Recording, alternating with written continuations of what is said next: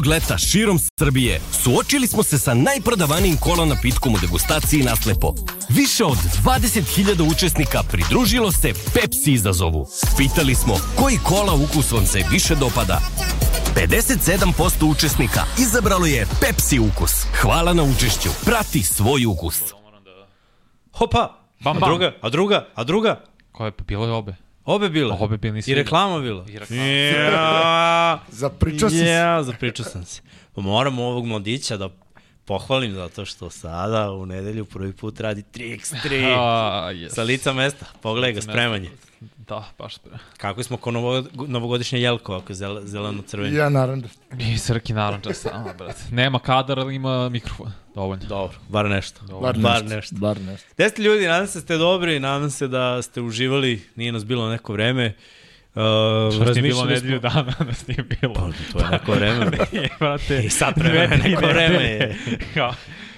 Ali dobro, pazi, juče su mnogi verovatno očekivali NBA, ali bolje, bolje danas. Juče su se igrali utakmice, tako da ovaj, danas je, ovaj, možda se ispriča nešto o tome, All-Star Weekend prošao, Free Agency i NFL krenuo i eto, polako, ali sigurno spremni smo. Vidi kako ljubičasti idu u zeleno čoveče. prelepo. Vrh, to ću da praktikujem od sada. Da. Nisam, nisam znao da, Ne znam da da li je imaš toliko patike koje su ljubičasti. Ne, Pa, ne. imaš lamelove. Polako. Pumi, to puma, jeste. Za sada, posle, Ne, posle Ribok, Ribok je, ne. U... Luka je u Milanu i posle mi 12-icu Jordanovu ljubičasto. A, pa dobro, znači uzimate. Bez ovog ne uzimam. Zašto? A brate, Te uzmem već pumine patike da su Pet pari patika za mesec mnogo dana. lepe. Taj Mora- model Jes. njegov je baš lep. Ja, Ima u neki- raznim kombinacijama. Slažem se. Moraju neki proteini da se pazare.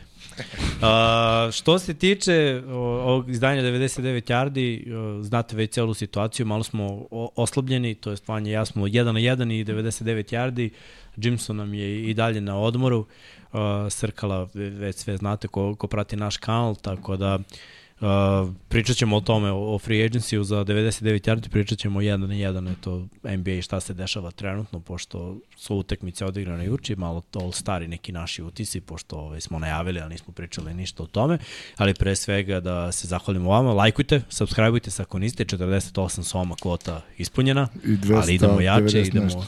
idemo na, na, na 50.000, da se zahvalimo Pepsiju na još jednoj saradnji za, za ovu sezonu i to malo da se počestimo bez šećera, samo zdravo. A što se tiče uh, ovih dukseva koji imaju forumu, to je naš shop, 99 yardi, tako da prošla je sezona jakni i kapa, ali sezona duksa nikad nije gotova, tako da čekirajte šta imamo u shopu. Možda nisu šolje za čaj sada pravo vremena, ali neka majica, neki duks, takođe Patreon, podržite nas ako mislite da ekipa zaslužuje, ali stvarno, ono, subscribe je minimum koji možete da uradite, to je samo jedan klik, bukvalno. Isključite zvono, nije ni bitno, ali ajde da stignemo od tih 50.000. Zacrtali smo to, još za, za novu godinu, pa eto, ma, malo probijamo rokove, ali dobro, taj, tako je to, tako je kako je. Uh, što se tiče, šta ćemo prvo? Kako, NBA. kako se rade ovi dupli, dupli podcasti? Pa NBA, zato što je bio All-Star weekend i sve to neko to Ajde. aktivno u, i u žiži.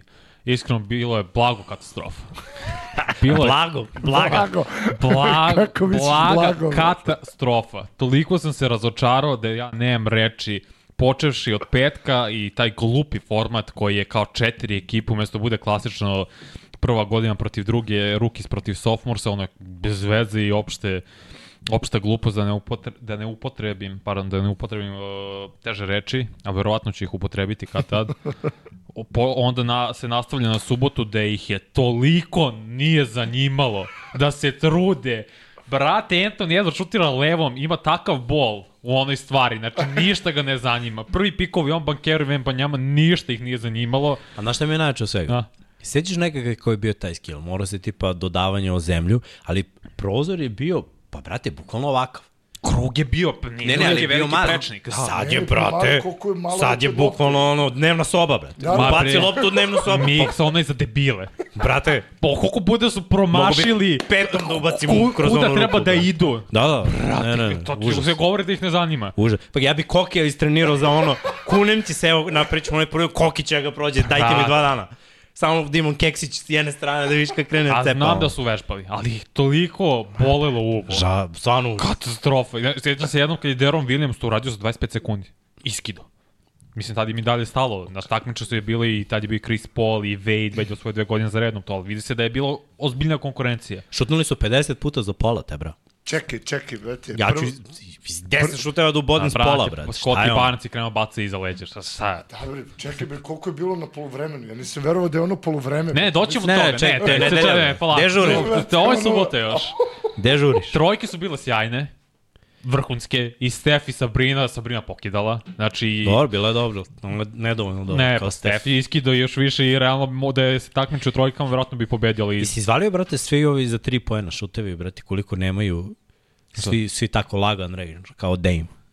Brate, Ne, Dame, je ono Ono isto za tri kao, poena. isto kao i običan trojka. lagan, lagan skroz. Bukvalno, metar dalje, metar i po dalje.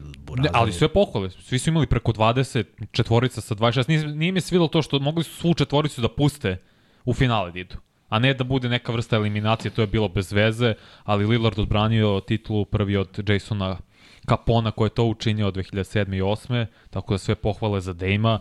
Kenny Smith je bio katastrofa komentator. Neke glupe ispade izjave imao pre svega za ha eh, Halliburton da nije znao toliko dobro šutira pa ga je pitao Reggie Miller pa dobro gledaš utakmice on za Sabrinu isto to neukusno malo da je trebalo šutira sa svoje trojke mislim ok, devojka pokazala može šutira da hoće i ima lepo ko prati od prošle sezone njen uh, on je kao čart za šutiranje većina trojke ona pogodila dva koraka iza njihove trojke. Znači ona ne šutira sa njihove trojke, ona šutira bez problema sa NBA trojke, to je bilo bez veza. ali Sama utakmica, užas. Užas. Da moraš, Čekaj, kucanja. Kucanje neću spominjati. Moraš, brate. Žao mi je, moraš, brate. To je neka bio highlight All-Star vikenda. A ne, mislim, meni je drago što je Jalen Brown makar pokuša. Bilo sam, ne realno nije trebao da ide u Da je finalu. tačno pokušao. Ne, znaš zašto? Dobro, pokuša? pusti Zato što je. All-Star igrač. Zato što je okej, već nekoj godina All-Star igrač i pokušao je da bude i rekao je o tome, nije me bilo blam da se, iz- da nije, nisi imao problem da se izblamiram. Okej, onim? da, to je bilo katastrofa. Nije, bi- to je bilo baš blam. Nije se toliko izbunio. Nije toliko. Može gore. Moglo je gore. Mislim da nije trebao da u finale. bare pogađao, ovaj, mislim, Bar je kucao. u, Da. kucao je uspešno. McClunk imao lepo zakucanje kada je pustio loptu, to je baš suludo. U vazduhu pa je opet uzeo, ali je bilo ispod proseka jer nema više šta da se očekuje. Prvo ne takmiče se velika imena, ne znam koje zakucavanje treba da uradiš da ne bude nešto što već nisi video pa na društvenim ne, mrežama. Ne, ne, ali e, velika je razlika. Ja bih volao da vidim, nema je zašto sam vidio na društvenim mrežama, daj da vidim to od NBA igrača. Ima vrhunski kucanja ako kada gledaš po YouTube ovi kucači, da. Da. ajde ih nazovemo kucači. Imaju vrhunska... Ima fenomenalno. Znaš koji mi je jedno najgotivnijih? Kada, kada uhvati loptu ovako... Iza. Ne, ne, ne, i, i kad je pusti kroz noge, pa je uhvati... A, To mi je bolesno zakucavanje. I brate, za to bi dao 50 lagano. a to mora da se izvede iz prve. Da bude toliko brzo, efikasno. Ali teško je. Ne, pa, Treba da skočiš, raširiš noge, spustiš je ispod noge i uhvatiš istom rukom. tako je. I, a ostaneš dovoljno visini da, da zakucaš. Ne, da to prikucaš. to je ludo. To, to mi je baš brutalno kucanje. Meni je bolje da dovedu takvu četvoricu, da im ponude nagradu od milion dolara. Ma, oni će njima da to menja život. Da, Da, se da. ne lažem. Istina, istina. Bolje Nek nego... se oni takmiče. A da, on ne bi bio NBA All-Star, ali nema veze, šta da se radi. šta da se radi. Bi- Bilo bi bolje svakako. Bilo Ja, bi. ja, ja kažem Samo da bi da bilo ovo bolje, ovo je bilo, ovo je bilo užas. Pa dobro, ni McClunk nije NBA igrač. On igra u Da, G on je League. G-League. Dobro, on je imao dva, dva eventa u na Yes, ovom pa- All-Staru, šta? Probao je dečko, odradio Ne, pa svoje. njemu sve pohvale, to je njegovih 5 minuta godišnje i drago mi zbog toga jer nema boljih trenutno. A sada na užas i katastrofu i zastrašujuće da onako izgleda da ti mo- vidiš da Larry Bird i Dr. J, ne znam ko je bio treći, tre- treća osoba, jutro pre utakmice ulaze u slačionicu i kaže molim vas, igrajte malo, sa malom željom, da bude takmičarski, E, šta makar sam- malo. Znaš šta sam vidio? Ovaj, kao broj faulova od 2003. do danas. Da. Nekad je bilo, to je Srki nama isto ovaj, Jeste. poslu. Aj nađi to. Tri Znači, faula je bilo, Ti da, a pre je bilo 37, 40, nešto, da, pre bolest. 20 godina. Ne, pa grozno. Tri faula, brate. Ništa Pa ne mi na igraju, terminu napravimo kad igramo 33, brate. Pa, njih se ne zanima ih. Nije im stalo, baš ih briga, jače igraju kad je neki basket tokom leta, tad više pokazuju veštine, ovo je samo kucaj, idi do, na ulaz, niko te neće dirati, šutni što više trojki.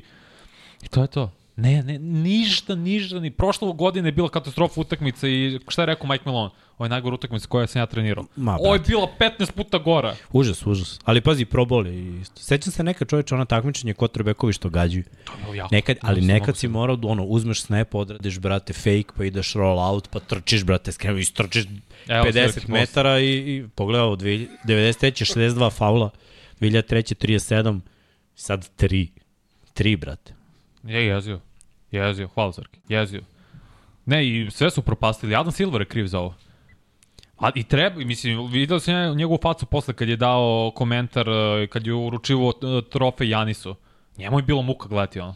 Pa kako je čest- rekao? Čestitam da, ekipi, dali ste 200 pojena. Rekao ono, vel, velika pauza, dali ste 200 pojena. Samo htio da se, da nestane, ali on je kriv.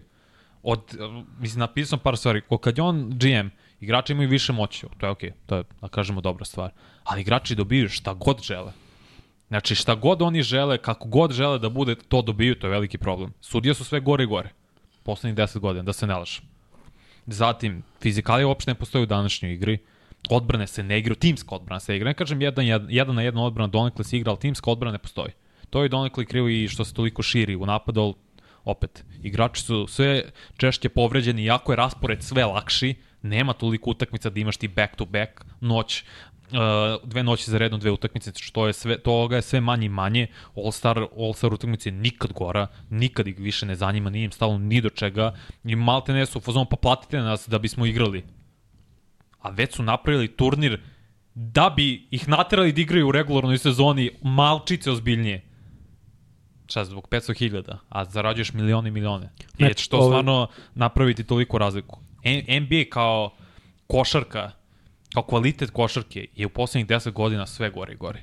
I to je na Adama Silvera. Ljudi će možda reći da, ok, brojke su društvene mreže sve veće, veće, i veće, ali to je prirodno. Naravno će biti, uvijek će brojke biti veće. Za All-Star utakmicu su manje, što je najgore. Sada je bilo... Po- Koga, brate, si lud. A, a zašto bi ja gledao ako njima nije stalo do toga? Zašto bi meni bilo Neko je stalo? napisao najjači komentar prošli put, kao ja ovo star jedva čekam da spavam. Znaš kako sam spavao? Kao bebice. Ono, Ja sam gledao, ja volim to, Ma, ali ja više neću gledati, Ne, ne zato što njima nije stalo. I, I mora i Adam Silver je jedan od najgorih komesara u profesionalnom sportu u Americi. Verujem mi, Vanja, onaj pro bol bi prespavao da nismo morali da ga radimo. Vrlo vjerojatno. Zašto mi do Pro Bola nije nikad toliko stalo? Do All-Star I- vikenda mi je uvek isto. stalo jer trajalo tri dana, bilo je stvarno, kad sam ja makar gledao tih, ono, od 2006. nadalje, tih prvih 7-8 godina, stvarno je bilo dobro. Jedino što vredi u tom All-Staru su trojke. Sada. I to je Sada. to. I to je već nekoliko godina. Ali dobro, šta da se radi? Ništa se Ovaj- promeni komesar. Ma, ma džaba. Pa jedni, ali jeste. Ma dobro, Treba verujem. gvozdena ruka, jer on ne može da krivi igrača, jer im je on dopustio da imaju toliko slobodu. Njih ništa ne zanima, bre, oni rade šta žele. Sad je kasno. To ti je, brate, kao da uzmeš da probaš da izdresiraš uh, psa koji ima 10 godina. Sad kao, ajde ti so sedi, idi, idi ovamo. Kao, te bra, sedi ti. Pa je, a Sad je bukvalno to. kasno, nema. Pa je Bra, šta je Jalen Brown rekao? Pa mislim da je 65 utakmica malo oštro. Mislim da treba se pustiti na 58. O, 50 op, to je si propustio si četvrtinu sezone, malte ne. Šta, šta, to, šta to znači? To, znači, u životu nisam video veći bol, znaš već gde. Njih ne zanima ništa, samo da imaju što više para, da igraju što ređe. Ok, nek se manje broj utakmica. Manje para? A eto, ako nećeš da igraš toliko, nek se manje 60 utakmica. šta znači, doći će pare nisto samo za, za, za koju godinu. Katastrofa. Ali šta da Baš se sam razočaran. Baš sam, baš sam. Ne Mislim, nerviraj se, bre, vanj. I Dončić je rekao, što bi, ja, što bi se ja trudio u napadu ako se oni ne trude odbrane? Bolo ga uvo, Blade, tamo. Gura jednog lika, jednom rukom ide do kraja. Jokić sklanja drugog igrača da bi ima prošao. Svi njih dvojica su najbolje proveli. Njihovo prijateljstvo je meni bio ono highlight tog celog vikenda. Kako se oni sprdaju, uh, rade sve stvari zajedno, jedan drugog začikavaju, to je meni bilo fenomenalno. I treba Dallas vrlo ozbiljno da se plaši, jer ako Luka ne bude bio zadovoljan, otići Denver za par godina. Samo da te ja pitam nešto, zašto je Luka nije u top 3 MVP kandidata? Pa, doćemo do toga. Kakav si Sad- lig, brate? Nerealan, samo si nerealan lig, brate. Dečko A dominira. nije, brate, zato. Šta, Donovan Mitchell ima sa ekipom tri pobede više, šta? Ni u čemu nije bolji od Luke. Bolje je. U čemu? Njegova ekipa ima više pobjeda. Doćemo do toga, polako. Znao sam da je to. polako. Ne samo što ima više pobjeda, nego što su njegovi glavni igrači propustili A pola da li sezone. bi imao isti broj pobjede, pa dobro Luka ima novu ekipu, a da li bi imao isti broj pobjede taj da je na zapadu? Hmm. Dobro pitanje, ali nije. nije. Istina. Ja, Istina da nije. Ajmo ovako. Rezultati. Bilo je dosta utakmica, pa Aj, rezultati pa ćemo posle ovo. All star rezultat. Nećemo To to, više zanima. ikad spominjati. to nas ne zna, to smo, to Znači, smo završili. Tu, kako se zove tvoj prijatelj što je bio, što je rekao da je granica 365? A, Šopi. Kako? Šopi, Miloš. Šopi, Miloš. Miloš. Miloš. Pozdrav za njega, ja sam, ja sam rekao podcast nema teoriju da pređe toliko. Šta da ne pređu? 350? 365, jer nisu prelazili do sada. Pa, Za sve ja postoji rekao, nema teorije. brate. Oni, skoro, oni su skoro 400 imali. Je. Znači, Bilo, strašno. bilo je nekoliko derbija, nekoliko Ajde. važnih utakmica, pa možemo polako, ali sigurno. Aj ovako. Uh, Cavaliersi izgubili od uh, Magica.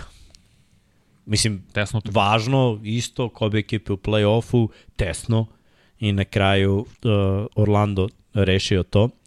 Ajde, vratit ćemo se malo. Nixi su igrali protiv File, oslabljena Fila nije mogla protiv uh, Nixa 110-96 New fali York. Embiid. Mislim da Mm. imaju da li 16, 6-15 ili tako neki baš loš skor od kad ne igra Embiid, kad on propušta utakmicu ove godine. Baš, baš su Biće, pali. biće još gore, nemoj da brineš. Uh, Mavsi su dobili 10 razlike Phoenix Sunse 123-113. Luka posjedao Phoenix i do Bukera, to je nerealno. Brate, E, ovo im je osma za redom i ovo je najbolji, najduži niz njihov pobeda od 2011. godine. Tako, od poslednje šampionske godine, jel? te? to ti stavi Mitchella pre, ali dobro, A, vidjet pa, će ljudi. Doćemo to. Vidjet će ljudi, neki ne znaju. Uh, Oklahoma City Thunder. Evo, možda čitaš odavde. Mogu da ja eto, realno. Ali da li imam tu ono što me zanima? Ne. Pa, Ja prvo, ajde, čekaj, čekaj, neka, neka. Ajde da istaknemo ove meni važne.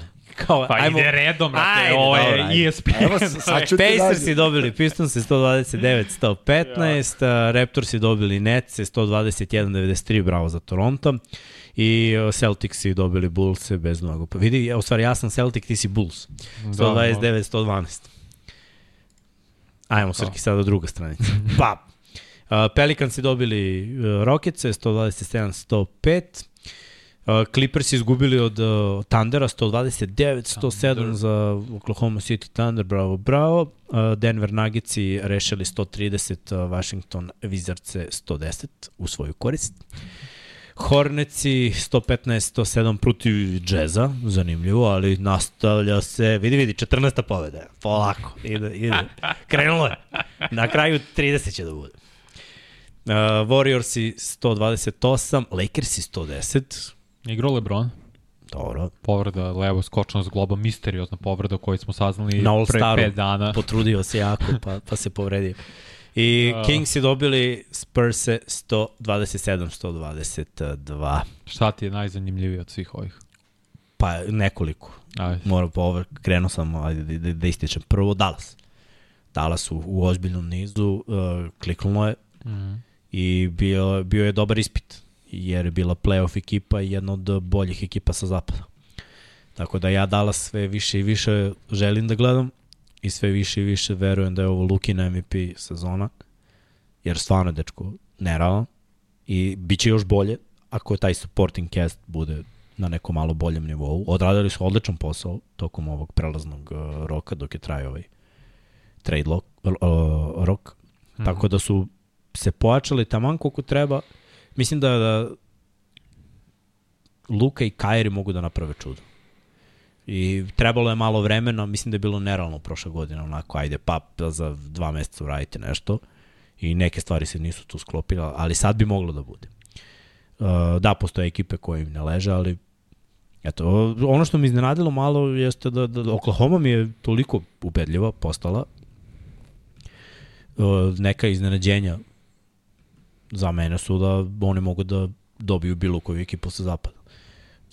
Sad, da li će tako biti u play-offu? Da li mogu to da urade u seriji, kad je ona samo jedna serija, ne ovako kad si? Mm. To me zanima da vidim, ali svakako sve pohvale, Šaj je takođe ozbiljan MVP kandidat. Tako da mi je to bilo ovaj, zanimljivo. Što se tiče Warriorsa, mislim da i Warriorsi ulaze polako, ali sigurno gledao sam ono malo mic'd up sa terena. Steph je bog. Čekam po zimskom kada rekao. Baciš mi odmah, ako nisam otvoren, sačekaš dve sekunde i odmah mi baci. to je njihov game plan. Iskreno, da igram sa Stefom, samo bi gledao njemu da bacim. Ako ne u prvoj sekundi, u trećoj, ako ne u trećoj, onda u sedmoj, nije ni bitno. Bro.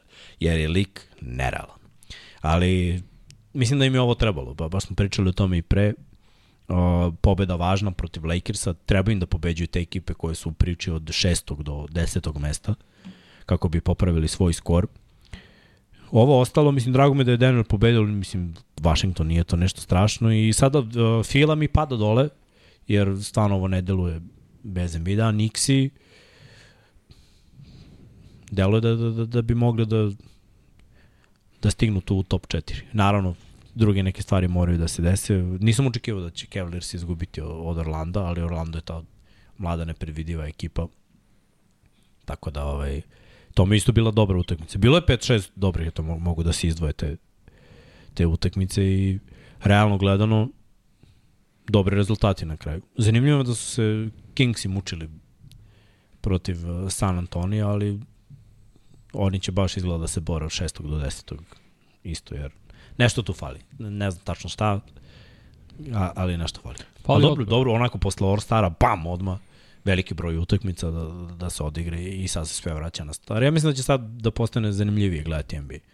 Ovaj mart mesec koji sledi reći će mnogo toga, ko je gde, vidjet ćemo jasniju playoff sliku i vidjet ćemo koje ekipe su tu u kandidaturi da budu top 4. Mada mislim da otprilike to se već zna, ali eto, da, da se potvrdi. Reci. Srbija vodi 10. Srbija vodi 10, pošto igramo kvalifikacije sad u da, da, prozori. Aleksandar Nikolić dvorani, to jest bivšem pioniru protiv Finjske. Ko, ko, koliko do kraja? Um, Ništa, do, ti kaži mi 31. minut. Znači 9, 9 minuta do kraja da, četvrte. 10 razlik, 61-51. Dobro. Da. Mislim, ovdje što ja vidim sad možda se promenio među Lagano, počela četvrta, vodimo dvocifrenom prednošću, tako da to sjajna stvar. Prvo, zašto se Kingsi muče? Zato što ne igra odbranu. Defanzivno nemaju identitet, a i fali im, zato svim pričam celo svoj, fali im neka trojka koja je nešto nalik PJ Washington, ko će igrati pre svega defanzivno, da je defanzivno orijentisan, jer Harrison Barnes to više nije. Iako nije toliko star, očigledno više ne može da igra kao ajde da kažemo, dvosmerni igrač i odbrani i u napadu. Dobro, mnogo godina je prošlo od Warriorsa i, pa i jeste, ali koliko on sad ima? Ja mislim da ima 31 godinu, 32. Opet, to je sada u današnjem NBA-u, ti si dalje u zenitu svojih mogućnosti, to je trebalo bi da budeš kako je, koliko se razvila sportska medicina i sve. Zato mi ne čudi što su toliki broj poena postigli, Dallas već smo rekli, mislim da da tome su pričali pre par nedelja i prošle nedelje kada Kyrie Irving i Luka Dončić igraju na ovom nivou. Prvo Kyrie se naviko da igra kao opcija broj 2. Igra je sa Lebronom koliko, četiri sezone i stigli do tri finala, zna kako da igra pored igrača koji je dominantan na lopti kao što je Luka i pronalazi se u, njegovoj, u svojoj sobstvenoj ulozi. Kyrie Irving ima neko, nekoliko spektakularnih poteza sinoć i ulaza do kraja i Iverson je za njega rekao da je to najveštiji playmaker ikada. Što sam isto ja rekao, znači to ja u životu Brutalan, nisam video Kyrie, Kyrie Irving, to jest igrača ko je Kyrie Irving. I, i baš kad govorimo o toj veštini, o, o skillu. Naravno.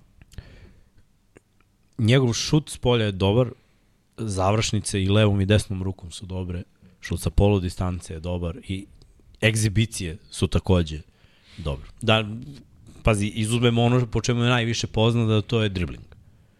Znači, uzmeš mu nešto u čemu je najjači i uporediš ovo drugo sa svim, sa svima drugima, mislim, stvarno, stvarno je nerealno. I nikad nije bio problem skill. Nikad nije bio problem talent kod Kyrie. Ja mislim da kod njega najveći problem želja i glava. Ono, da li imaš želje da, da daš 100%, mm -hmm. da mhm. igraš onako kako treba da igraš, da budeš takmičar i da li si on u glavi rešen da se posvetiš košarci, a ne glupostima sa strane, ajde tako da to nazovem. Šta god bilo, protiv koga, svi ti konflikti samo se isključiš i košarka. Jer kada bi Kairi mogao to da uradi, A oni Luka, godine. oni Luka imaju legitimne šanse da, da urade nešto na zapadu. Be, bez obzira što imaju neke druge ekipe bolje rostere ili bolji skor trenutno, u, u play-offu to ništa ne mora da znači. Jer Luka sad već ima iskustvo u play-offu, a Kyrie ima takođe bogato iskustvo igranja i finala i velikih utakmica. Išli bi sada na Clippers-e. A već smo videli Luku par puta u play-off situacijama da igra protiv Clippersa, jednom ih je izbacio, jednom je ispao.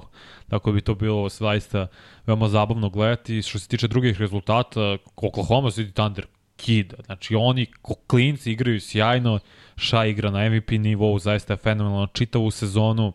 Uopšte me, mislim, čudi me što ovoliko dobro igrali, sve manje i manje ti kako vidiš kako oni igraju, kako je ekipa napravljena da izuzetno su mladi, nisam siguran da li su najmlađa ekipa u NBA-u i dalje, ali jedno od su svakako. I sad su i, i otpustili e, Pokuševskog, kao što smo i pretpostavili da će se desiti u toku sezone. Tako da ćemo vidjeti gde će on da završi i šta će dalje raditi sa svojom košarkaškom karijerom, jer mislim da je najbolji put za njega da zaista da igra u Evropi, makar krenuo od Evrokupa, lako će se probiti do Evroligi, ima NBA iskustvo, ima i taj pedigra i, i ime samo čim si igra u NBA, mnoga vrata ti se otvaraju za druge lige širom sveta, tako da to bilo lepo vidjeti njih uh, protiv Clippersa, eto jednog od favorita za titulu, direktan duel, uh, o tome ko će biti na kraju bolji sid na zapadu, što će dosta značiti? Kako ne? za sve ekipe, jer opet ti ne znaš šta će se dešavati od petog do osmog, trenutno su peti Pelikanci i oni su nezgodni, oni igraju sve bolje i bolje, sve su zdravi, sinoć su isto pobedili, izgledali su odlično protiv Houstona, Houston nije više toliko merilo, ali nema veze, igrali su na jednom visokom nivou, Knicks i dalje povređeni, dalje se čekaju da se izleči i Anunobi, i Randall i čak i Mitchell Robinson i on će biti zdrav do play-offa, Branson predvodi ovu ekipu sjajno, dok Philadelphia je u slobodnom padu i moraju nešto da promene. Igrao je Kyle Lowry i moje postigo je prve poene u dresu 76ers, ali mora da se napravi nova hjerarhija. To ne znam kako će to uraditi Nick Nurse koja će mu biti zamisao kako da raspodeli pre svega šuteve i uloge drugih igrača. Ok, sad je Maxi broj 1, ali ko je broj 2? Je li to Hill, je li to Tobias Harris, da li je Kelly Ubre, da li onda Kyle Lowry služi kao šest igrač koji po, uh, će povesti drugu petorku i tako organizovati igru, kakav će biti game plan i brzini igre kad je on na terenu sa tim uh, rezervnim igračima.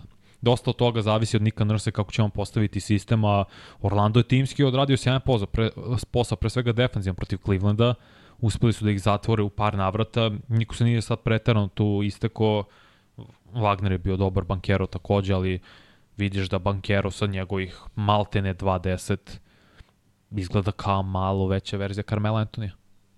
NBA spremno telo od prve godine, od prošle, sada je, se, se više navikava na NBA i tempo i on je na koleđu gubio po skoro 3 kg po utakmici tečnosti. Ne znam kako je on to sada nivelisao, šta je radio, šta, kako je promenio, jer mora to da promenio. Toliko tečnosti gubio tokom samih utakmica na koleđu da je stalno dobio grčeve. Ti vidiš pored terena stalno ga masiraju kada izađe van igre, roleri se koriste, valjak se koristi. Turšija. Da, bukvalno. Ali bukvalno nema... Kiseli krastavčići. Na, tako da to se sada promenilo igra na All-Star nivou, pošto je već i bio All-Star, ali dobra pobeda za Orlando Magic. A Warriorsi? Pa dobro, Warriorsi... Vikings opet 20 ali vidiš da je zato što su promenili startnu petorku, jer je njemu mnogo bo, njegova energija mnogo bolja sa Kumingom i sa Podzimskim, mm -hmm. kad mhm. su u startnoj petorci sa njim. Svi su dvocifreni. Tako je, Podzimski ali 10, igraju i brže. Kuminga 12, da. To je, to je recept zapravo. Steph i dalje može da igra brzo, da je svi jure po terenu, ovi su mladi, I dalje mi mislim željni. small ball Draymond. Je. Tako je.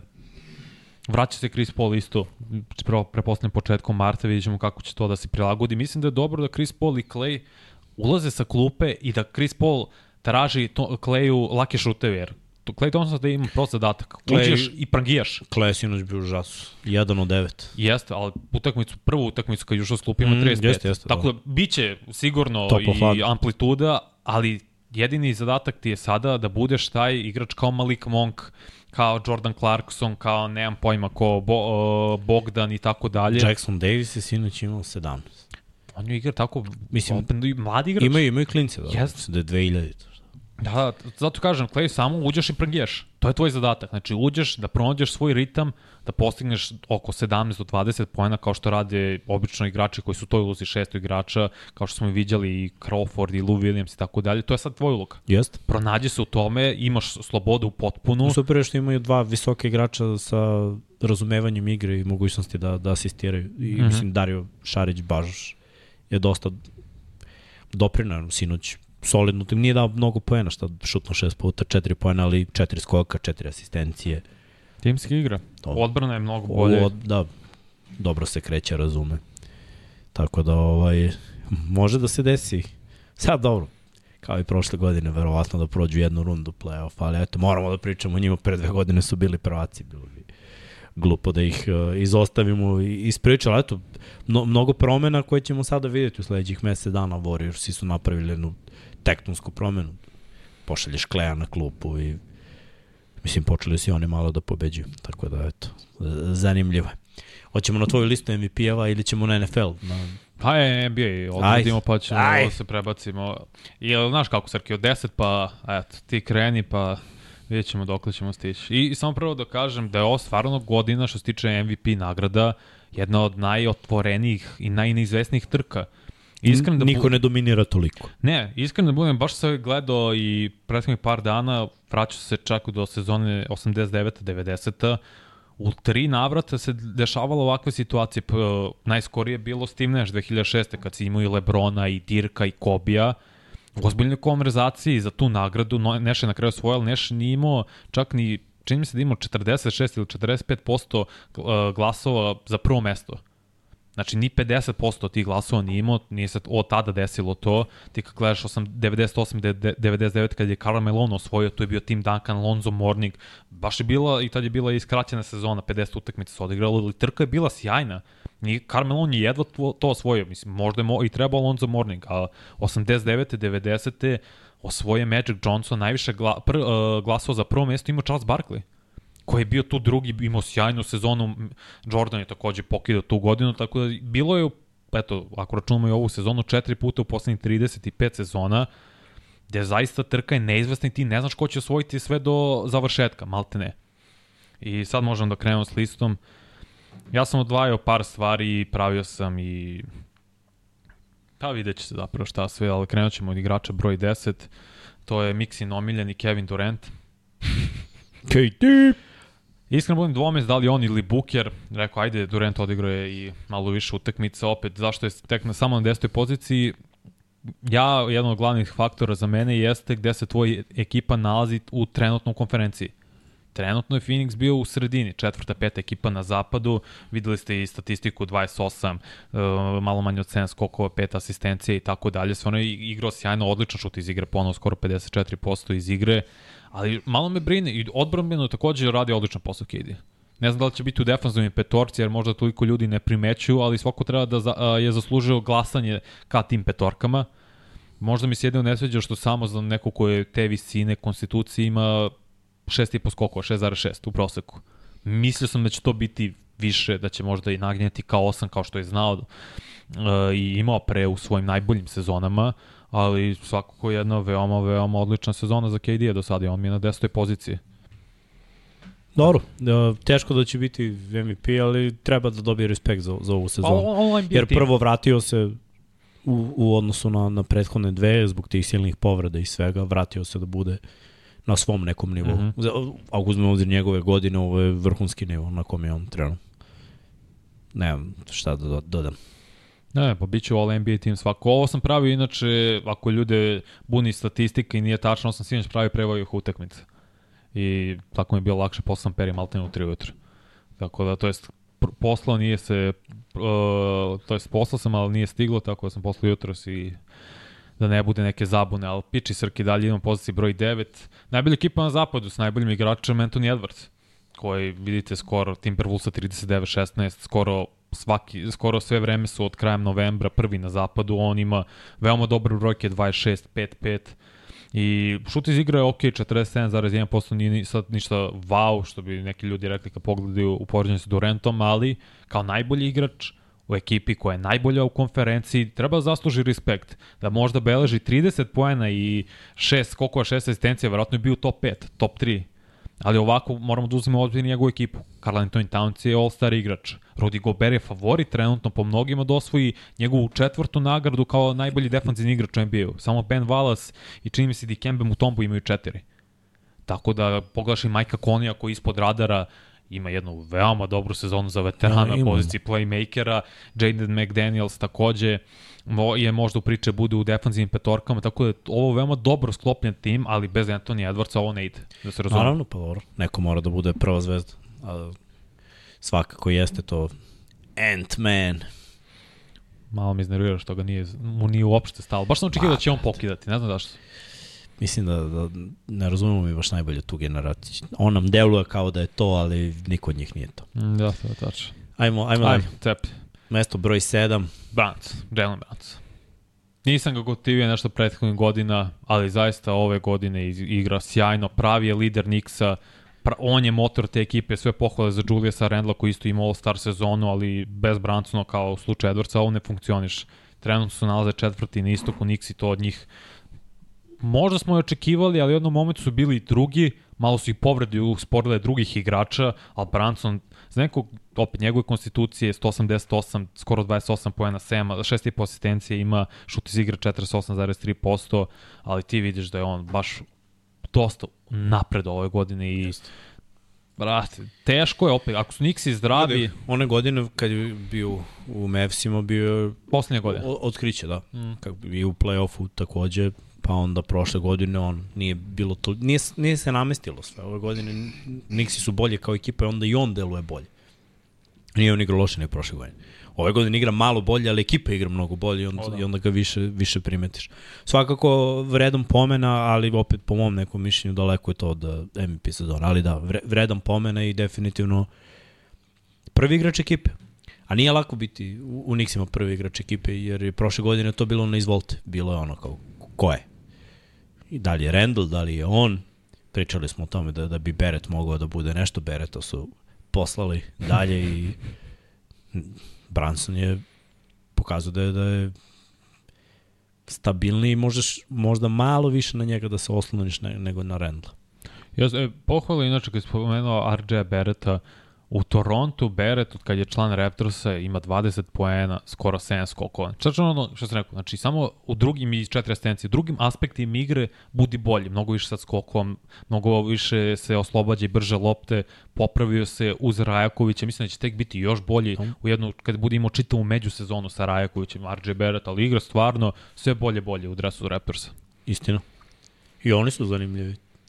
Uh, broj 7, Kawhi Leonard, Pazi, možda brojke nisu spektakularne, kao kod drugih igrača, ti kad pogledaš 24-6, skoro 4 Pa da krenemo od asistencije. Meni najbitnija statistika za Kavaja, igra da. na terenu, igra minute Tako je. i ne forsira mnogo, ali kad je njegov moment rešao. Jako je teško imati brojeve sa 30 poena kada on u ekipi ima i Hardena i Georgia, pa ući će Russell da odradi neke minute i Norman Powell Powell. ulazi iz klupe i sinoć Jedan isto favorita za šestog 20 igrača. minuta Mhm. isto. Tako da te, teško je da, da imaš baš toliko postignutih poena, ali Kavaj radi ono što treba da radi. Mislim, iskreno ovo je bila ideja. Kad su ga potpisali, kad su ga doveli da, da će raditi ovo. I ovo je u stvari prva sezona da mi zapravo vidimo od njega i Đorđe i da oni rade ono što treba da rade, ali da Tako, pa oni su najbolja ekipa od 1. decembra. I ti vidiš... nemaju, nemaju oni istaknutog nekog Mhm. igrača da kažu ovo je broj 1. Nema toga, ne, nije ni moguće sa tim imenima Ali ja na da je rosteru baš, da imaš. da je, možda ne po brojkama, ali Kawhi Leonard je tu broj 1, to znaju. Pa Ali on nije... više ovako usmeno neko priznanje, ne, znaš, ne ističe se on na taj način toliko. Ne, Mislim mislim da, da nagrade MVP sad sve više idu u oba u sporta, uh -huh. pošto ajde, ujedinili smo podcaste, ide za nekoga ko je toliko istaknuto najbolji u ekipi. Kapiram. Znaš, ono kao, bez njega propast. Da, A ne ono kao, on je dobar, ali jedan od dobrih koliko imamo u ekipi. On je dobar u dobroj ekipi. Najbolji u dobroj ekipi u kojoj ima još tri dobra. Teško. Znači, bukvalno moraš da budeš jedan usamljen, za, zašto je Jokić u posljednjih nekoliko godina poseban ili Janis bio pre toga, ili čak i Embiid. Embiid nema tog drugog nekog koji je na približnom nivou kao Embiid. Jokić nema u ekipi igrača koji je na približnom nivou kao Jokić. da. Nisu to loši igrači, nego samo nisu na nivou približno. I zato je meni Luka zanimljiv, jer mislim, ajde, Kairi kida, ali niko ne kida kao Luka. Evo, Čak i Šaj im- ima dobre saigrače, ali niko ne kida kao on Ne, ne. o, ove godine. Znači, klinci oni se ističu i mislim da nekako nagrade za MVP idu u tom smeru. Steti se Janis kad je bio MVP. Niko u ekipi Milwaukee nije bio blizu tog nivoa, Middleton je bio ovo stari igrač. ali nije bio Ne, blizu. nije, Janis nije je to, on zemaljac. To nije, ne, naravno, naravno. Ovo je ko ti si sa zemlja, ovaj, ne znam odakle je došao. Pazi, baš sam našao... to Sa Olimpa. Jeste, tako izgleda. Posledno mi najbolji drug pozdrav za Mimija spisak igrača kada je drugu MVP nagradu imao Nikola Jokić, kad su po, propustili čitavu sezonu i Mare, to je devet utakmica samo odigrao Michael Porter Jr. Will Barton, nije u ligi, Bol Bol igra sporednično, to je pomalo u Sancima, Kampacu u Realu, Čančar, ok igra, Kazinc nije u ligi, ovaj PJ je u Partizanu, James Ennis nije u ligi, Brian Forbes nije u ligi, Aaron Gordon je veoma dobar igrač, a Michael Green nije u igri, nije u ligi, Jeff Green je solidan veteran, Marcus Howard nije u igri, Bones Highland ne igra malte ne u Clippersima, Carlik Jones nije u ligi, Monte Morris je solidan backup, e, Zeke Naji je isto backup sada u Nuggetsima i to je to, Austin Rivers nije u igri, nije u ligi. No. Pogledaj tu ekipu, koliko je ona zapravo loša. Zato ti kažem. Pa ne, ali Mora da loša, isti- znači pos- pre dve godine su bili u ligi, većina sad više nisu. No. Ko, toliko su loši. I imati dobar skor sa takvom ekipom govori o tome da mora budeš, i, i naravno e, statistički, nije samo kao, e, vidi s kakvom ekipom igraš, bit ćeš MVP, nego statistika grmi, a pogledaj Da, da, da. s kim igraš. Zato dajem respekt svim ovim momcima, naročito ovima koje smo nabrali, jer su svi manje više velike zvezde, osim Bransona, koji Ulazi u tu kategoriju. ulazi polako, ali sigurno u tu kategoriju.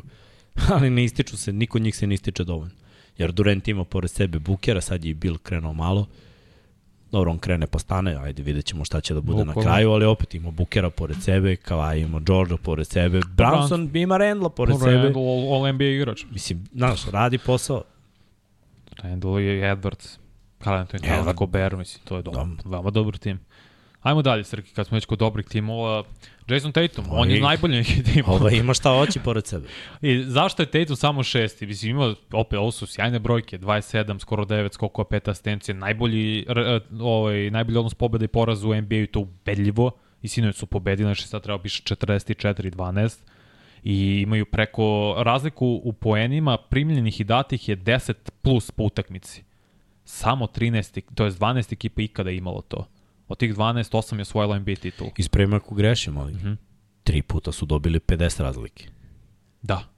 Mislim, malo mislim, pomogne sa prosekom. Ne, pomogne svakako, ali opet, baš je redko kad se dešava, evo, od 2015. desilo se četiri puta. 2015. na 16. i Sparsi i Warriors su imali 10 ili više poena razlike, nijedna od te dve ekipe nije osvojila titulu, onda sledeće godine s Durantom su isto imali, osvojili su i čini mi se Milwaukee Bucksi su isto imali ali te godine nisu osvojili, mislim da je bilo od 19. na 20. Tako da se to redko kad dešava, zašto je samo Tatum ovde, jer ti imaš ostali igrače, Brown je all-star, White je all defensivna petorka, Porzingis igra sjajno i što je najvažnije, ne postoji, ja ne volim tu naprednu statistiku, nekad pomaže, nekad uglavnom je budalaština, kada je on van igre, i kada je u igri, skoro da nema neke razlike u tom net ratingu. Ne, opasna ekipa, stvarno su I napravili. to se ne računa, Gledaj, izveš što je prekidan garbage time. Holiday nisi ubacio u priču, Nisam stigao. A mislim moramo da uzmemo u obzir koliko oni imaju zvezda, koliko je kompletna ekipa i koliko je ta ekipa već pre dve godine bila u velikom finalu, prošle godine u finalu Istoka. Realno gledano samo su se pojačali. Znači na ono što su imali prošle godine odlu, odlučili su da dovedu Holidaya koji razume svoju ulogu mnogo bolje, mislim, nego Smart, da bi Tatum uh -huh. postao bolji Tatum, Tatumu kog ja verujem od prve godine, od njegove ruki godine još. I mislim, ovo je meni normalno. Mislim, on treba da postiže, po mom mišljenju, 30 pojena po utakmici. Tatum ima sve. Visoke, ima ogroman raspon ruku, dobar je šuter s polja, atleta je, Dribbling, sve. Ima, šutira slobodno bacanje, može da dovede sebe u situaciju da šutira 10 puta. Ja ne vidim razlog, zato sam i odvalio ono da koliko poena bi mogao, zato što je mlad, zato što je atleta, zato što je zver, zato što vodi računa o sebi. Ne vidim razlog da ovakav igrač u ovakvoj ekipi ne daje 30 po utakmici. Stvarno ne vidim. Propustio je Ali- možda dve utakmice samo ove godine. To je Ne ističe se. Zašto se ne ističe? Zato što ne vodi grupu građana, nego vodi sa sobom brutalnu ekipu. Znači, oni su možda najkompletniji tim u, u ligi. Jesu, oni su glavni favoriti. Mislim, to... najbolji skor imaju, ali Tako uzmi je. papir ovako i koja Mhm. su imena tu, Boston ima najbolji tim u ligi na papiru. Net rating Tate, kad Bostona, kad je Tatum u igri je 10,6 u plusu, kad je van plus 8,6. Znači nema skoro razlike u tome. Oni igraju sjajno s njim ili bez. Igraju što najgore mnogo bolje kada Brown, kad je Brown na klupi nego kad ju igre. Mislim, opet su u plusu, samo su mnogo većem plusu kad je Brown na klupi, ali zbog tog razloga je Tatum na šestoj poziciji. I vidjet ćemo Celticsi, onako, ako ovako nastoje, mislim da mogu da stignu do nekih 65 možda pobjeda ove godine. Što je baš, nije to uopšte za Ni na istoku naš nemaju baš premca. Ne. Imamo dosta ovih loših ekipa dole i onda to im je Hrani ono, unapred, unapred upisana pobeda. Ajmo dalje, ste, ajmo da vidimo mesto broj 5 je Janis, a da to kumpo preko Bro- 30 poena, Mhm. double-double u proseku, preko 11 skokova, 6 asistencija, jedna ukradena lopta, jedna blokada, ajde malo više, ali da, zaokružimo, pošto je bliže jedinici nego dvojici. Ekipa koja ima dobar skor, 35 pobjeda, nije to uopšte loše. Janis je, mislim, vanzemaljac, radi i dalje sve na visokom nivou, samo što se ekipa pronalazi već neko vreme i zbog toga moramo da ga izbacimo iz ovog samog vrha što se tiče MVP jurnjave. Pritom već je bio MVP, Dva tako puta. da, da, da znamo kako Liga gleda to. Jeste i dominantan i sve to, ali ima drugih momaka koji su došli na red, a koji rade jednako dobre stvari, ali na drugi način. Pošto niko ne radi ovo što radi Janis na njegov način, on ima svoj način. Ali mislim da, da nije MVP kampanja za njega.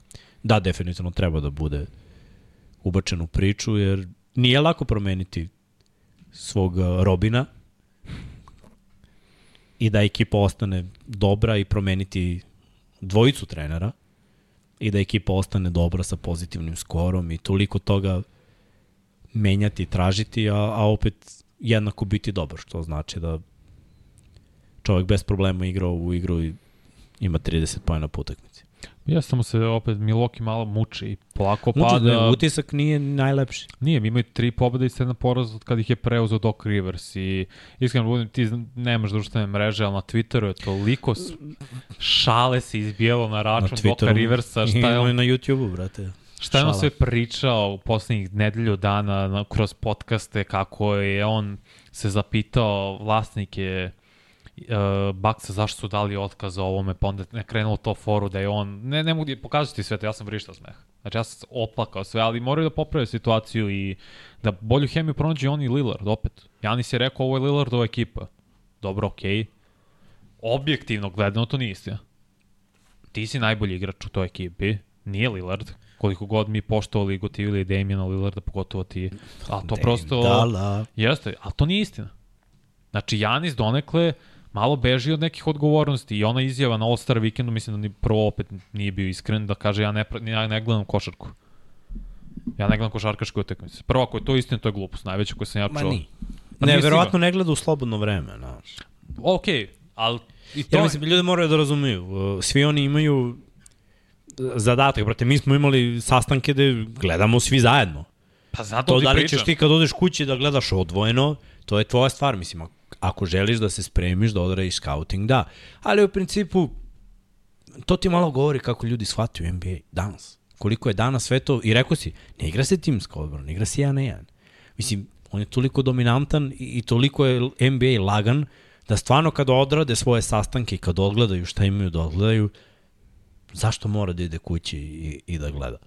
Rekao u da, regularnom da bi delu. mi bilo teže. Kao, zato ja, ja ne gledam utakmicu uopšte, da bi mi bilo teže i zanimljivije na, kad dođe utakmica, jer ne znam ko šta voli da radi, uh, o, koliko poena ima, ja, to je meni izazov. Gledaj. Brate, men, izvini, meni to debilizam. Možda, Možda sam grub, ali opet, ja sam gledao Bryanta, on je pričao Znam, da je ali- gledao Iversona i da je teo da umre što je ovaj dao 50 i svaki potez mu analizirao da bi sledeći put bio bolji. ajde da se razumemo. I onda sam shvatio Iskreno- zapravo koliko si ti u pravu da je ova generacija toliko Naravno, brate, da sam daleko od onoga što sam ja odrastao, ali, ali Brate. nisam sad odrastao, nemam pojma ja kada. Ray Lewis, Ed Reed i Peyton Manning su pričali o tome koliko su gledali ono svaki pokret tela koji govori o tome šta će da bude da bi reagovali na pravom mestu pre nego što se desi, a danas samo reaguješ nakon što se nešto desi. Ja razumeš? Sve se promenilo, niko ne, ne analizira toliko bolesno. Niko ne ide toliko do detalja. Što se košarke, zamisli, ja mogu, ja ne sad da razumem samo zbog jedne stvari, iskreno, nemamo shvatiš pogrešno, ali da igraš uh, par tekmi sa Washingtonom i, i sa Charlottom, naravno da neću da gledam šta radi Charlotte i šta radi Washington, ali kad budem trebao da igram protiv Bostona ili protiv File, naravno da ću da uzmem i da izanaliziram sve što mogu i sa trenerima, a i solo da vidim kako mogu da budem bolje, kako da od, ne znam, 30 poena dođem do 35 ili da otvorim neke bolje situacije za, za moje saigrače, jer ću videti ko preuzima, ko pomaže, ko će biti sam u ovoj ili. Mislim, i Kobe je o tome dosta pričao, da se danas igra ono, slu, uh, Slobodna košarka. Pa ajde, da je tako da kažem. Jer, mislim, nakon penetracije ti izbacuješ loptu nekome. Ko je sam? Znači, neko će priđe da ti pomogne i ide lopta nekome ko je sam. Mislim, te radi.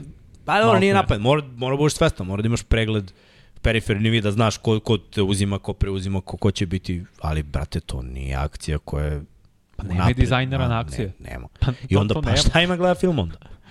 To je Na tužno. čemu se bazira playbook Milokija? Ako Janis uzme loptu iz koke i povuče polutranziciju. Ide do koraka, kraja, te bra, da. nema tu akcije, on ide do kraja, ili je faul, ili zakuca, ili zakuca i faul. Mogu da ga razumem do nekle, ali ne podržavam ni malo kada si igra protiv ozbiljnih ekipa da ne radiš scouting ili da ne provodiš brda vremena gledajući film najbolji igrači po mom mišljenju nisu izlazili iz teretane i iz sale za film. Da, da, slažem se. Tako da ono.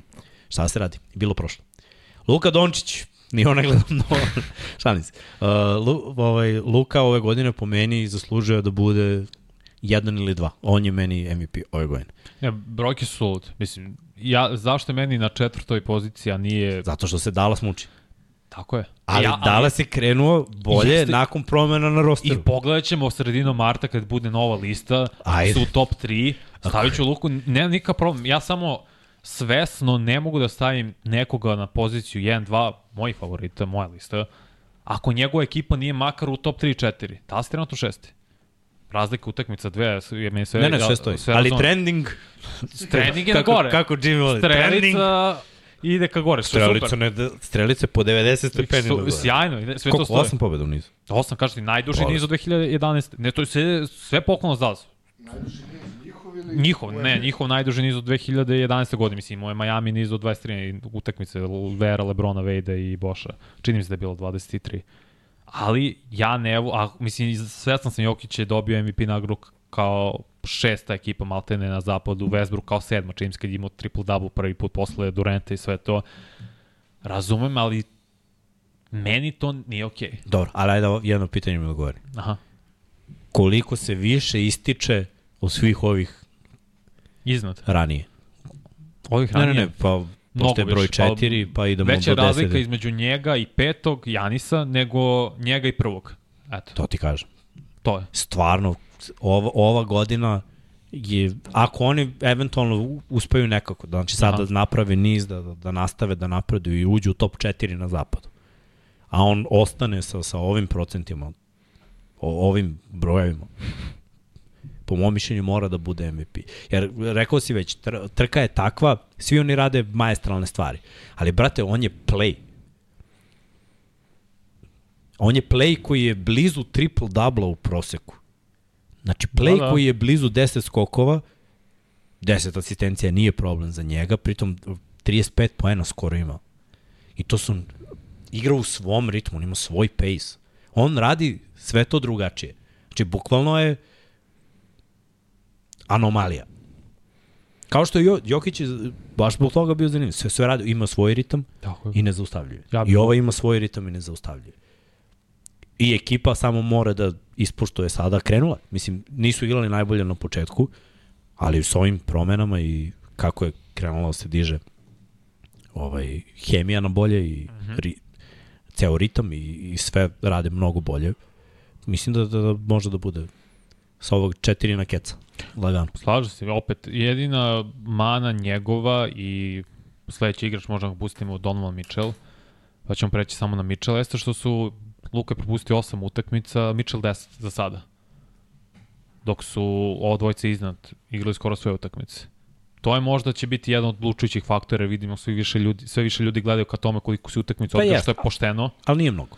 Nije, Oba, istina. Do 10 utakmica da propustiš, to je okej. Okay. Mislim, Ne, duga je okej, sezona. Za, za, za celu sezonu da. Duga je sezona. Za celu sezonu da, oni su već sada propustili 8 i 10, Da. jedan i drugi. Tako da verovatno će propustiti još par. Nadamo se da neće biti više od toga. Ček, ček, kažeš, oni dvojice su propustili 8 i Luka 10 propustio- i to je trenutno najmanje Šta šta? u ligi. Ne, ne, ne, igrač- nije, a nije, nije. man. Ovi Ne, ne. iznad su Ne, ovi iznos su propustili jednu, Jokić dve. i Šaj. Da, da. Tako je.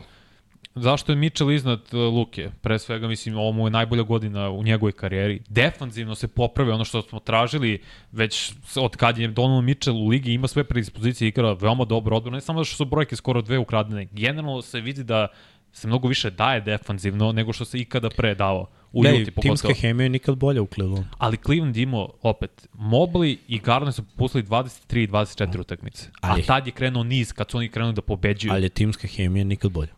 Super je. To, to je, ovaj, A on je imaju, zaslužen. Ja, Mitchell. ništa ne oduzimam. Samo kažem, Luka veći od Mitchell. Izvini, Srki, zbog tvog drugara, Donovana, ali... Evo snimamo. Da, da. Luka, look at the Don. Ne, meni je opet, drugi su na istoku, to niko nije očekivao, 23 pobjeda, 5 poraza imaju od sredine decembra, što je neverovatno, opet, uz toliki broj povreda glavnih igrača i Mobley i Garlanda, koji su se vratili sada i Cleveland je zdrav, što je treba bude zastrašujuće za sve ostale ekipe na istoku, ali oni igraju sjajnu košarku, lepu košarku, defanzivno pre svega orijentisanu, kao što se rekao, timska Hebe je vrhunska, Mitchell nikada bolje ne igra u svojoj karijeri i od mene zaslužuje respekt, jer ja nisam vidio Cleveland kao Ma broj 2. zaslužuje respekt manje od svakog, nije to, ne, nije ovo da li je dečko dobar ili nije, nego da li je Luka bolje od njega. ja razume, znači govorimo o šta, kako, šta, šta je beše rekao Jimmy kad je krenuo Mercedes ili pa kad smo upali ili Renault pa smo ušli u priču. O, jako. Ajmo dalje, Srkane. Je, smo pobedili? Da, ovde ljudi se čude što ti je Tatum na broju 6, a Mitchell na, na broju 3. Pa razlika je samo što Tatum ima mnogo bolju ekipu i što, što Vanja kaže, stvarno od top 5 igrača koji ima Cleveland, pa dvojica od tih top 5 su propustili preko 20 utakmica, oni i dalje kao tim imaju dobar skor. Da, nije to toliko ubedljivo ni dobro, ali et, Mitchell zaslužuje po meni respekt, ne da bude ovako visoko, ali et, Vanja ga je malo lansirao. Vanja 15 voli smo dobili, 15 15 smo smo dobili finsku, bravo za našu reprezentaciju. To je prelepa vest. Kad smo već kod naše reprezentacije i naših igrača, Nikola Jokić je na mesto broj 2. Sjajna sezona, opet ne mislim. Brojke govore same za sebe. 26, 12, skoro 9 asistencija, šut iz igre pe- skoro 58%, 57,7. Denver je sada četvrti, to može da se promeni, malo su im pobegli i Timberwolves i, i malo su se odvojili samim tim i Oklahoma City Cleansi, to je standard. I minimalne razlike, stvarno minimalne razlike su njega i Šaja, može Srki opet da pusti. Zašto dajem prednost Šaju kao MVP-a i što mi gleda na čitave sezone, kao mislim da je glavni favorit. Samo iz razloga što prvo ima bruka brojke. Drugo, niko nije očekivao da Oklahoma bude druga. Niko, niko. Imaju jedno od najmlađih ekipa. Opet, kad gledamo pomoć koju ima Jokić, koji ima, ne znam, Mitchell i ostali igrači na ovoj listi, ja mislim da Šajman, mislim, prvo najmlađu pomoć, opet ti igrači Holgram je Novajlija, Jalen Williams je druga godina i tako dalje, Keyson Wallace je Novajlija isto, svi su to igrači prva, druga, treća godina, četvrta sad su doveli uh, Haywarda. Ali beležiš preko 31 poen, skoro 6 skokova, 6 asistencija, preko dve ukrat, predvoš ligu po broju Ali ukradenih obojica lopti. imaju preko 50%. Za beka, to je nerealno. Skoro 55% im izigra šaj, što je brutalno. I opet, kad pričamo o najveštijim igračima, možda njegova mehanika šuta nije lepa kao Kairijeva i tako dalje, ali to sve ulazi i vidiš koliko je on napredovao iz godine u godinu. Ja. I stvara separaciju za, i ima i lepu igru što se tiče pol distanca, uzima te šuteve, sinoć imao baš lep kad je izbacio Powella, maltene 2 metra ga je ostavio, pogodio šut, pobedili su, pobeđuju najbolje ekipe, drugi su na zapadu, u mnogo težoj konferenciji, to je za respekt, zato mi je broj 1. Ne, ne, on, je bez dileme. On je bez dileme u priči da, da bude jedan ili dva sa ovom sezonom, mm. jer je preko 30 poena, jer ekipa igra dobro, a mlada ekipa nisu bili u play-offu bre prošle godine, Tako a ove godine su u samom vrhu i on igra dobro. Ali ovaj kažem, to, to je sad do ukusa. I ovaj, vidim, Dragan je pisao ovde, da, da Dragan, u potpunosti se slažem da, za te skokove Lukine, Kaka, ali sedi se Russella Westbrook i triple-double sezone Jest, MVP. Uh, šta su radili visoki igrači? Oni izbuksuju, a Russell pokupi loptu, niko ne ide na taj skok osim njega, znači svi su izboksovani, on uhvati loptu i ima triple-double u proseku i bio je MVP. Ja razumem da imamo utiske ove igre odbranu, ove ne igre odbranu. Za moj ukus niko ne igra odbranu. Znači od svih ovih koje smo nabrali od top 10, možda ajde Janis je rekao rim protektor, Joki sigurno ne igra odbranu na tom, na tom nivou. Dobro, pa- Mitchell ima jednu, 1,9 ukradenih luka, ima 1,4. Mislim, ako gledamo to. Šaj igra odbranu. Šaj stvarno zaslužuje. Šaj je klinac i treba da igra odbranu. Yes. Razumeš? Ali nije elitni defanzivac. Nije, nije elitni. Niko sa ovog, osim Kavaja, nije u toj nekoj Tako priči je. koji je bio defanzivni igrač Dva godine. puta, da, da. Znači, realno gledano, svi oni imaju sposobnosti da igraju odbranu, ali niko se pretrano ne trudi. Tako da ne ulazimo u to kako dolaze do skokova, kako ovo, kako oni na kraju Ameri to neće ne gledati, njima je to nebitno. Nije, oni će se uhvate za ovaj broj ko ima koliko i ko, ko, ko radi šta. Tako da ovaj, Dobro. meni je svakako pohvalno za, za, za ove igrače koji su u top 5 da, da, da budu na ovom nivou. Jedino kog bi ja tu isto uzeo u razmatranje za, za MVP-a je i Halliburton. Mislim da je njegova sezona isto jako dobra. Mislim, nije ni blizu top 5, Mm -hmm. ali eto, čisto vredan. Igrači koji nisu na listi, a, a vredni pomena. Zašto? Indiana igra lepo, on ima priči. Mali broj izgubljenih lopti na veliki broj asistencija, što znači da pronalazi neke nove uglove, popravi šut značajno. Mm -hmm. Mislim da ima 40% za 3 pojena, što je brutalno. Sad ću ti reći. Da, da- ravno da- 40. Tako je. To je brutalno manje. Ne, ne, Za, za nekoga ko, ko je, koji se tek ističe, koji je tek ušao u ligu na tom nivou, prvi igrač svoje ekipe i vrlo verovatno da će ih uvesti u play-off. Da, nije to da bude najozbiljniji kandidat, ali jedan od najboljih mladih igrača i definitivno zaslužuje bar eto da ga pomenu. Da, jedina mana njegova što već propustio 13 utakmica.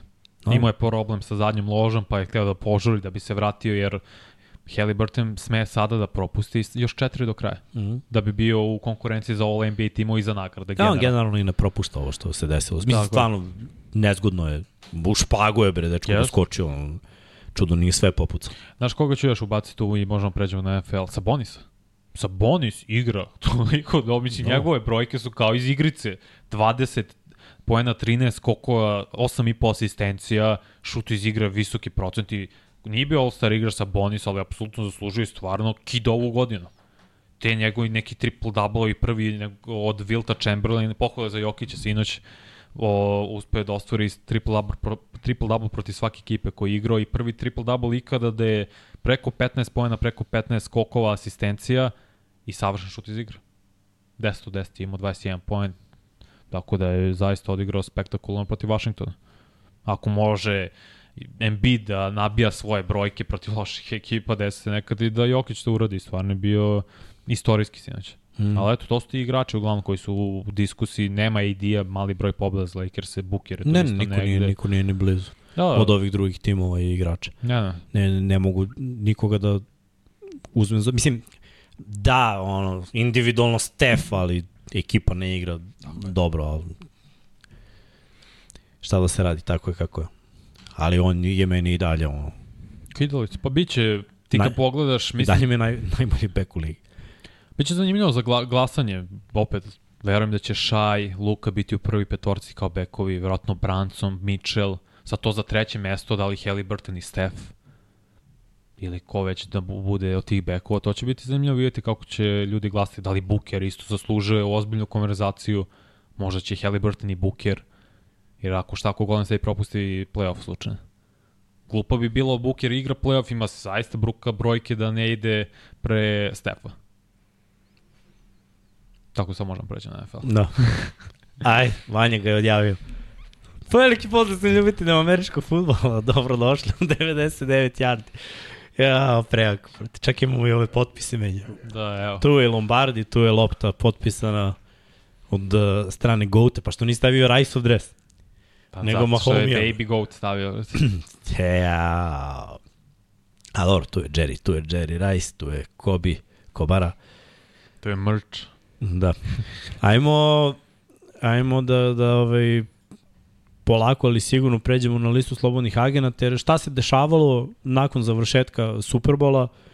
pričali smo o paradi, pričali smo malo o novoj dinastiji Kansas City Chiefsa i ekipe su uglavnom probale u tom roku koji je bio do ponedeljka da potpišu igra, da produže ugovore igrača koji su imali tu opciju. Uh -huh. I mnogi timovi su odradili to za neke igrače, za neke nije bilo moguće, tako da čekamo još neke dve nedelje pa da krene trade rok i onda ćemo uh, slobodan rok prelazni pa uh -huh. ćemo onda pričati o tome pa evo koji igrači desilo... bi mogli da, da urade i šta. Što, što se tiče igrača ovako, ja mogu kažem za Baltimore Nelson Aguilar je potpisao na još godinu dana za neka 3 miliona, niko drugi nije.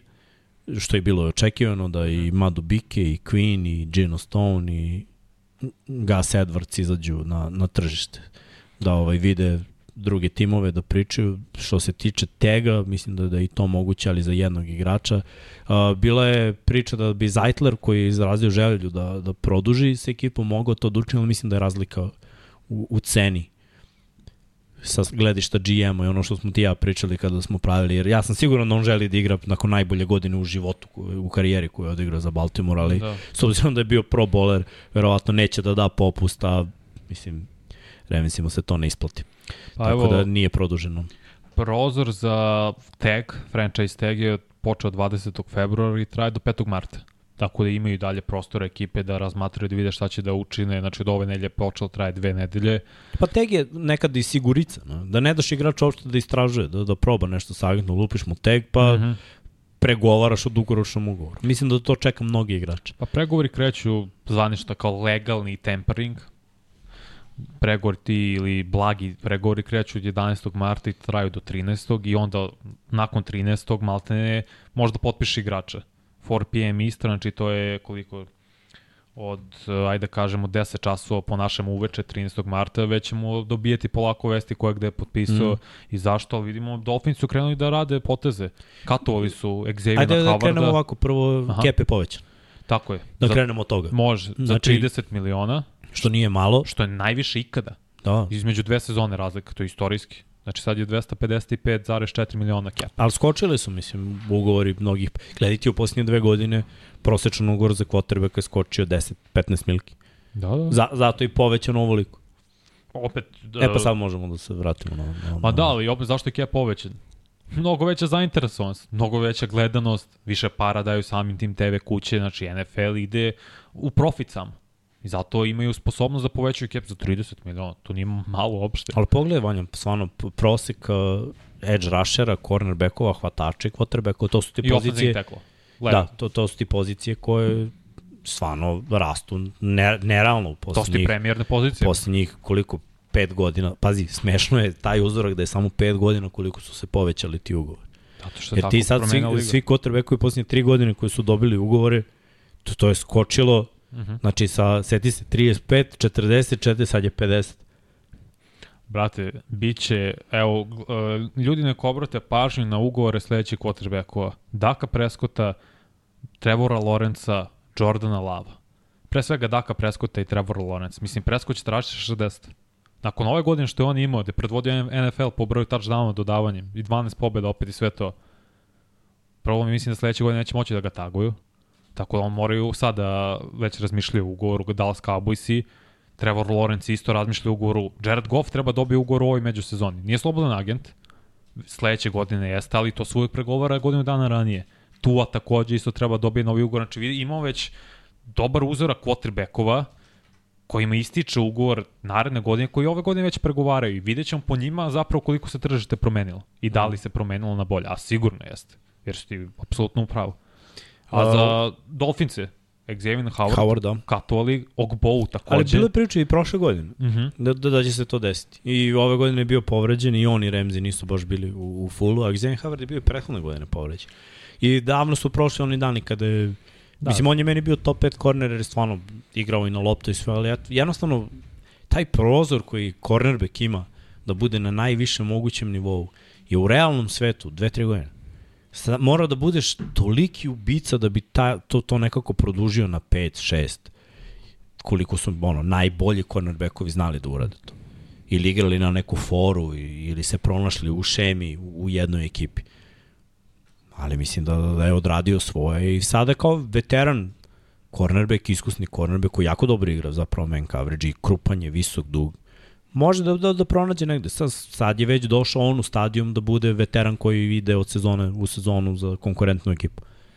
Jeste, on ima i koliko, 31 godinu, mm -hmm. znači to je već ozbiljna cifra za cornerback. I ne pamtim, baš dugo nismo bili, mislim, Ramsey je najbolji primer tog cornerbacka koji traje 5-6 godina, kad je ušao u ligu Maltene, šta je to, kad je bilo 2015-16? Znači, već dugi niz godina Jalen Ramsey imao je par godina pada, te bio ono, ispod njegovog proseka, nije bio na elitnom nivou, ali uglavnom je elitan. I to su redki kor cornerbackovi. Vidjet ćemo ove klince koji budu dolazili Sos Gardner i tako dalje, tako bliže. Ali Xavier Howard i pročito sam dosta ekipa je zainteresovan. Kako ne? Zato što, pazi, prvo je veteran, zna mnogo da, da, da pomogne mm -hmm. mladim igračima, jer on ima vrhunsku tehniku. On stvarno ima vrhunsku tehniku. Prvo je jak na liniji skrimidža, što nije svako, jer je krupan i dug. Znači, prvo je jako teško taj, taj džem njegov da poremetite na, na, na startu rute. Drugo, dobro okreće kukovi, dug je. Mnogo mu to znači. Čak i da zakasni malo, može da se vrati. Dobro igra na loptu, uvek je bio dobar igrač na loptu. Neki su igrači na, na poziciji cornerback, znaš, gleda hvatači, samo mu je bitna fizikale. Ako ispadne, kreće da vuče, kreće panik. Howard igra na loptu i tada. Da, nije bilo savršeno, ali čovjek je i dalje jako dobar igrač. Onda takvog igrača mnogo ekipa želi. Mislim, sigurno 10-15 ekipa će se boriti, samo je pitanje cifra. Naravno. Ništa više. Mislim, ja prećemo uskoro sad na slobodne agente, gledam ekipe, ja gledam uvek po uh, Spotrek se zove sajt za praćenje kepa. Commanders imaju preko 96 miliona u kepu. Negde piše 87, kod njih piše 96, ne znam koje su parametri, zašto je na više mesta drugačije. Patriots imaju skoro 87 miliona, znači imaš veliki broj ekipa koji ne da će trošiti pare imaju puno rupa, imaju pare, imaju draft kapitala zanimljivo. Cardinals imaju najviše pikova na predstavljućem NFL draftu 13. A 49ersi, Ramsi i Srkevi Packers imaju po 11. To je veliki draft kapital ti da imaš. 11 mm. pikova, sve dvocifreno su sjajno. Sigurno ćeš dobro potrošiti i popravit ćeš tamo gde treba, ne, nećeš morati da se trošiš u free agenciju, a Cardinals imaju tu prednost jer imaju koliko skoro 60 miliona. Sad ću da kažem 57 miliona. No, no. Pa dobro, mislim, oni su rebuild. Srkeva ekipa u playoff, to je druga priča. Tako, naravno. Ajmo, ajmo, ajmo polako, ali sigurno da krenemo na listu najboljih slobodnih agenata u NFL-u. Što se tiče ove liste, jesi po poziciju? Ne, random sam stavljao, da, zato što sam pošto ja... da su da, da, u nizovima, pa dobro. Random sam stavljao, ja sam stavio im napravio listu od 60 igrača, pa sam to smanjio i još druge stvari neke pravio, ali ovo čekaj, ajde 30 nekih najbitnijih, jer stvarno ima dosta i pro bolera i super zvezda da, da. i ozbiljnih igrača. Ajde ovako da krenemo. Prvi je Kirk Cousins. Kirk Cousins uh, je dobio sjajan ugovor u Minnesota. Ekipa nije bila savršena u trenutku kada je on došao i proživjeli su promenu identiteta, promenu glavnog trenera, uh mhm. -huh. orijentacije, stila futbola koji igraju i uh, promenu glavnih zvezder. Kad je Kirk došao, bio tu Stefan Diggs, pa je draftovan posle Justin Jefferson, bio Adam Thielen, sada su Edison i Jefferson tandem Hawkinsona su doveli, bio je Dalvin Cook, najbolji, of, najkonstantniji ofenzivni igrač zapravo što, što se tiče trčanja, ali ove Online godine nisu imali uopšte trčanje i jako je važno kada već nemaš vrhunskog premium beka, imaš dobre hvatače da ostaviš odličnog quarterbacka kad ih već nema mnogo. Kirk Cousins je odličan quarterback i kada je zdrav, ekipa sa njim uh, može da pobeđuje. Najveća mana zapravo je kad nema vremena, Kirk.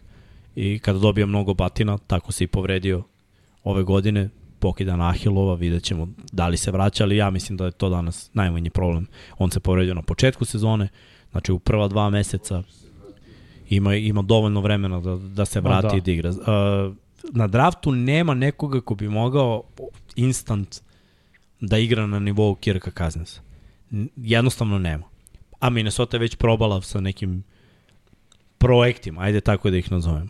Projekti quarterbackova jednostavno nije bilo to. to. Ove godine su promenili četvoricu. Hm. I ova trojica posle Kirka, da. ekipa je opet dovoljno bila dobra da mogu da pobede po neku utakmicu. Znači, krenuli su loše, imali su tri izgubljene lopte po, po meču kada su imali tu crnu seriju, ali nakon toga Kirk ih je dovodio do, do, do pobeda. Mislim da, da Kirk treba da dobije ugovor. Jer svako danas manje više, ako jedan Danny Dimes može da dobije ugovor i Kirk Cousins za, za, zasluži ugovor. Pritom Minnesota se nalazi trenutno u tom nekom limbu, niti su ovamo, niti su onamo. Da, ja smatram da su oni playoff ekipa i verujem da je on bio zdrav ove godine da bi ušli u playoff zapravo. Mm -hmm. Ali ako želiš da Justin Jefferson, koji je isto bio povređen ove godine, i to na veći broj utakmica i opet, 5, 6, čini mi se. i opet je došao do, do 1000 yardi, što je neverovatno. Ako želiš da on nastavi da raste, ako želiš Edison da bude još bolji igrač, da, da zadovoljiš sve svoje hvatačke opcije, da budeš i dalje ofanzivno orijentisan dok odbrana počinje polako da, da hvata svoje, potpišeš Kazansa na 2-3 godine. Nemaš šta da izgubiš. Ako se desi u te 2-3 godine da naleti neki kvotrbe, kad ti imaš lošu sezonu, ne uđeš u playoff, ili imaš priliku da skočiš za nekog kvotrbeka koji će biti na draftu, to uradiš. Ali sad nema potrebe da to radiš. Jer mlad kvotrbek sa ovom ekipom učeći ovaj sistem koji jeste malo kompleksniji i opet da on trpi taj pritisak da mora da nahrani Justina Jeffersona, Hawkinsona, da nema running backa, da nema nekoga ko će da skine taj pritisak. Ofanzivno još uvek nije dobro, mora još uvek da se draftuje malo Dobro, i da se veoma potpiše. dobre teklove i Deriso i Da. Brian O'Neill stvarno jesu. Ali mora se popravi još. Mm -hmm. Ove godine Vanja pritisak je dolazio za sekund i po. Kazi se mnogo puta, ono, uhvati loptu i, ne, ma koji rid, brate, nema rida.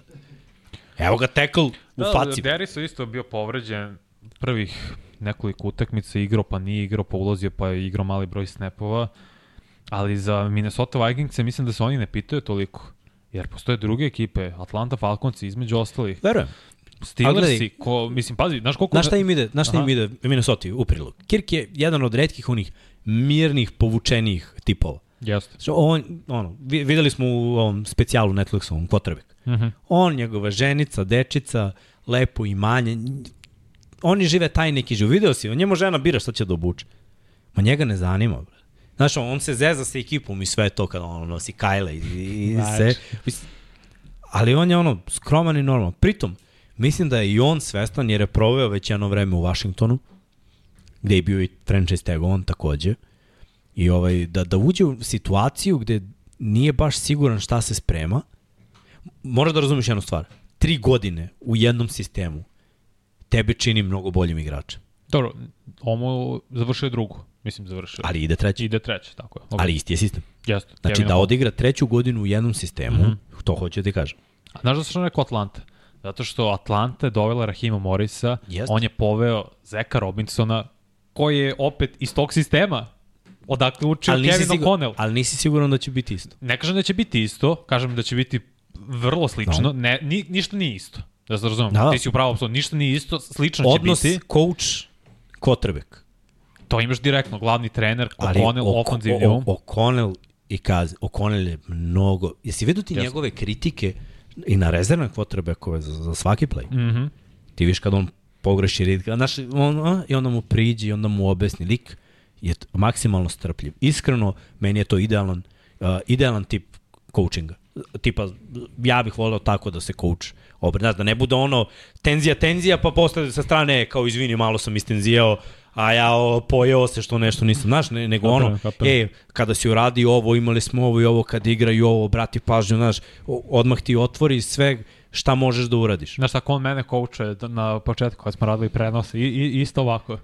Pa gledaj, sve zavisi. Mislim, ja ne mogu kažem, klinci moji, klinci moji mogu naj, najbolje da potvrde da, znaš ono, u, u početku možda i jesam bio miran, naravno, svi imamo momente tenzijanja.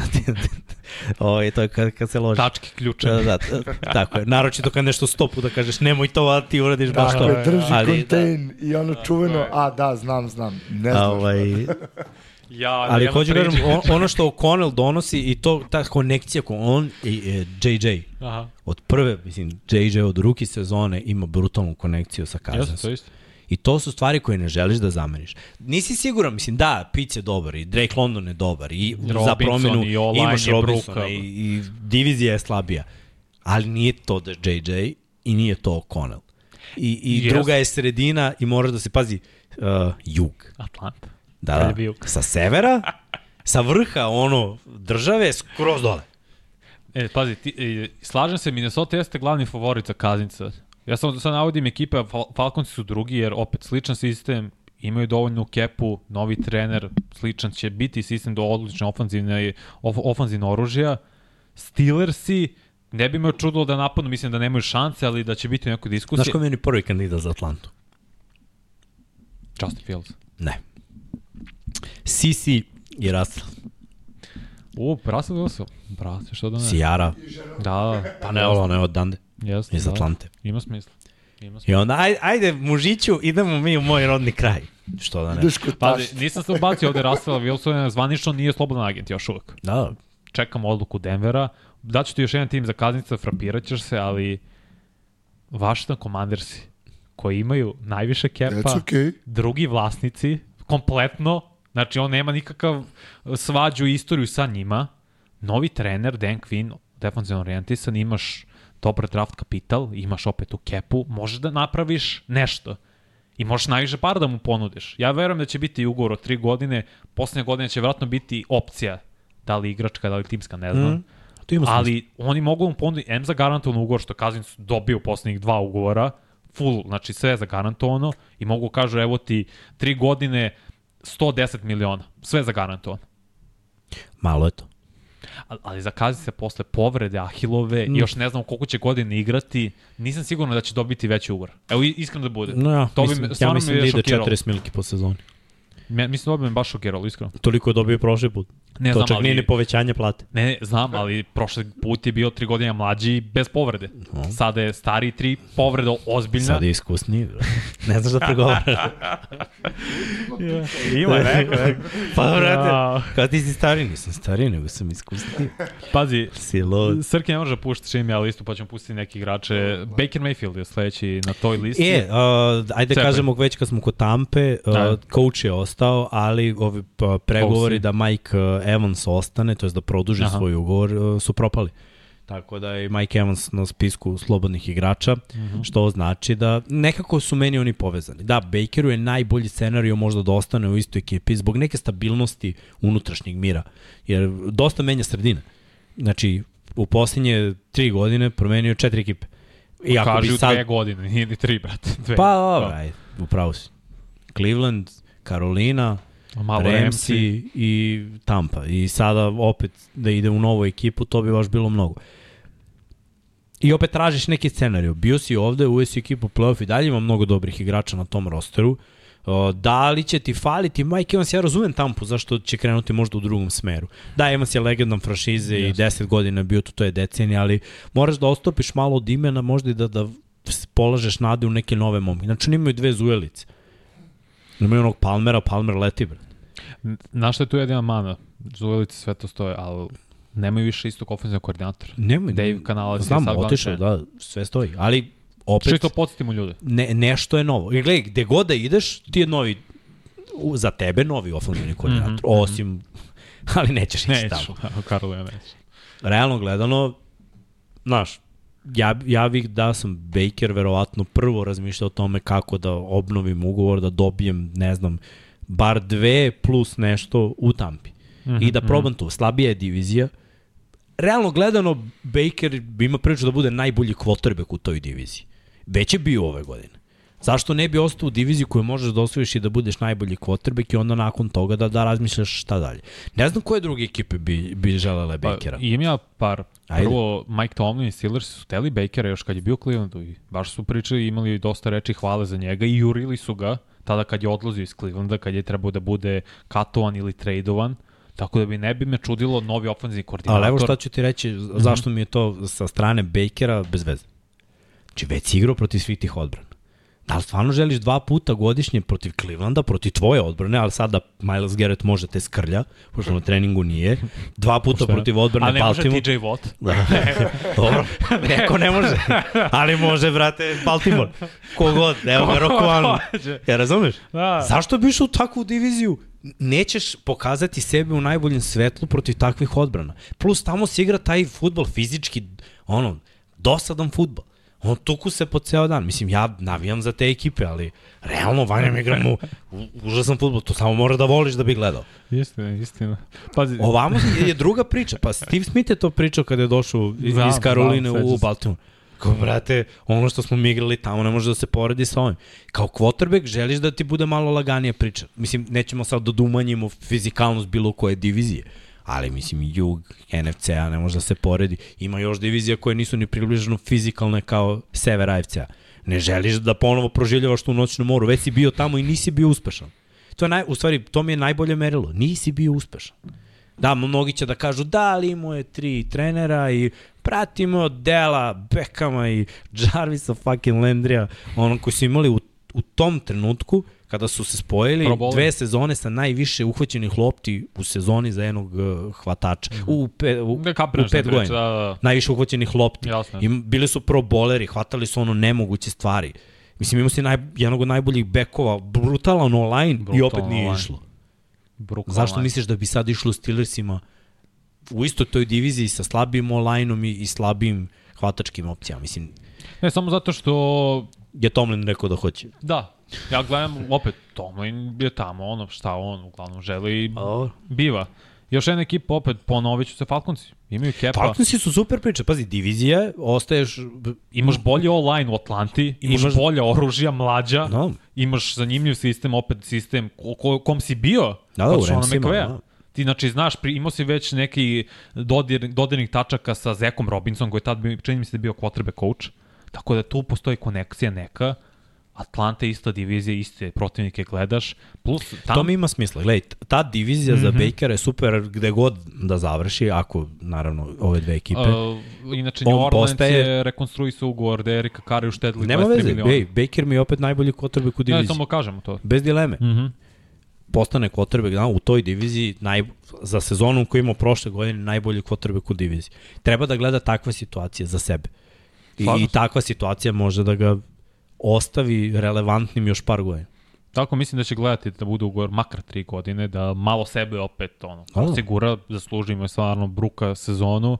I to su ekipe, nema, nije preveliko tržište za Bakera Mayfielda i treba Tampa, eventualno Atlanta, da gleda u tom smeru. Tampa ima probleme, oni imaju da malo ja, mislim da imaju oko 45 do 48 u kepu, ali Lavonte David je slobodan agent, Devin White je slobodan agent, Mike Evans je slobodan Devin White agent. puštaju.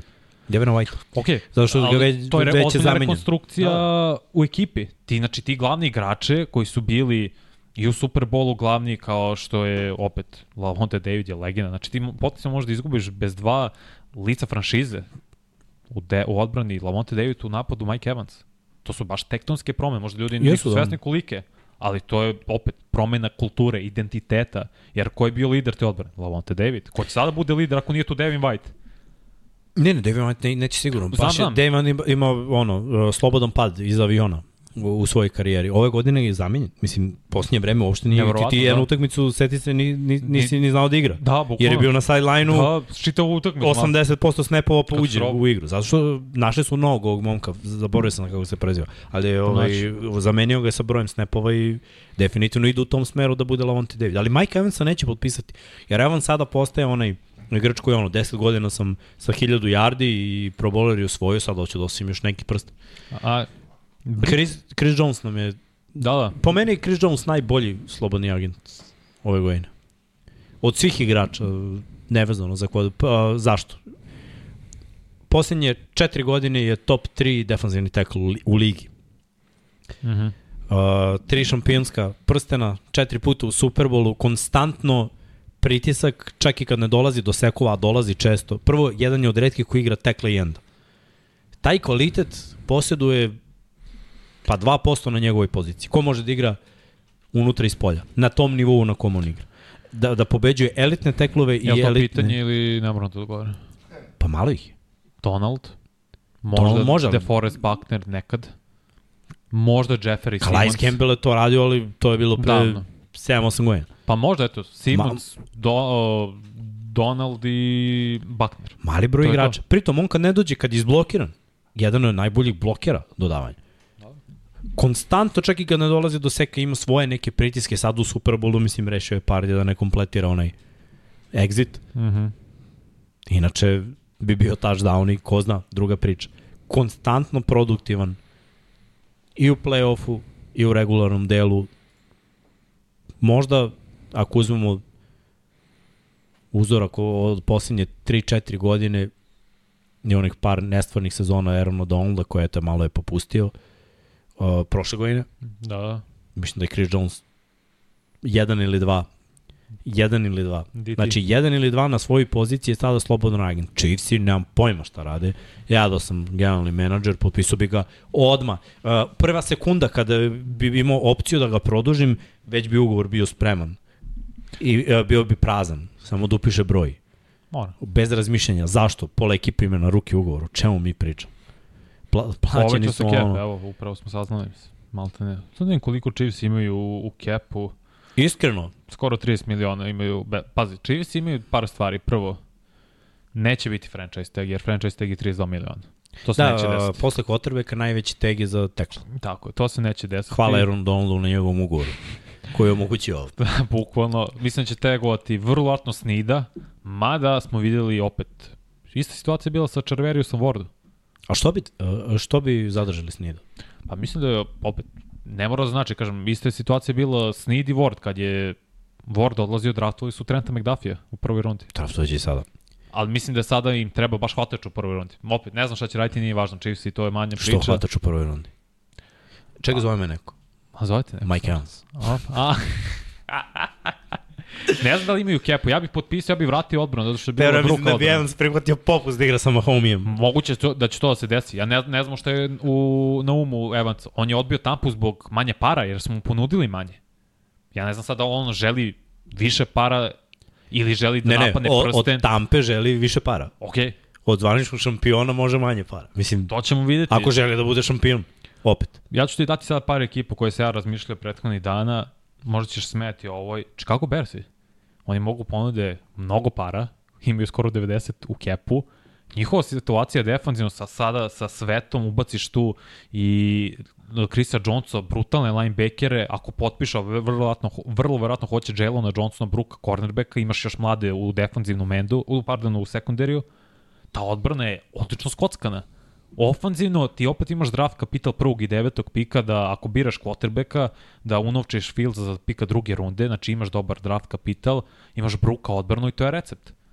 Da tako napadaš, opet možeš najviše para da ponudiš, sledeća ekipa, ja ću reći ekipa, ti kažeš šta je tebi najzanimljivije od svega toga. Sledeća ekipa, kolci, koji isto imaju dosta u kepu. Zamislite tu kombinaciju Buckner, Chris Jones, Kolcima treba cornerback, mislim da će ga draftovati u prvoj rundi, jer će pustiti Kenny Moore, jer Kenny Moore je više bio slot, nickelback.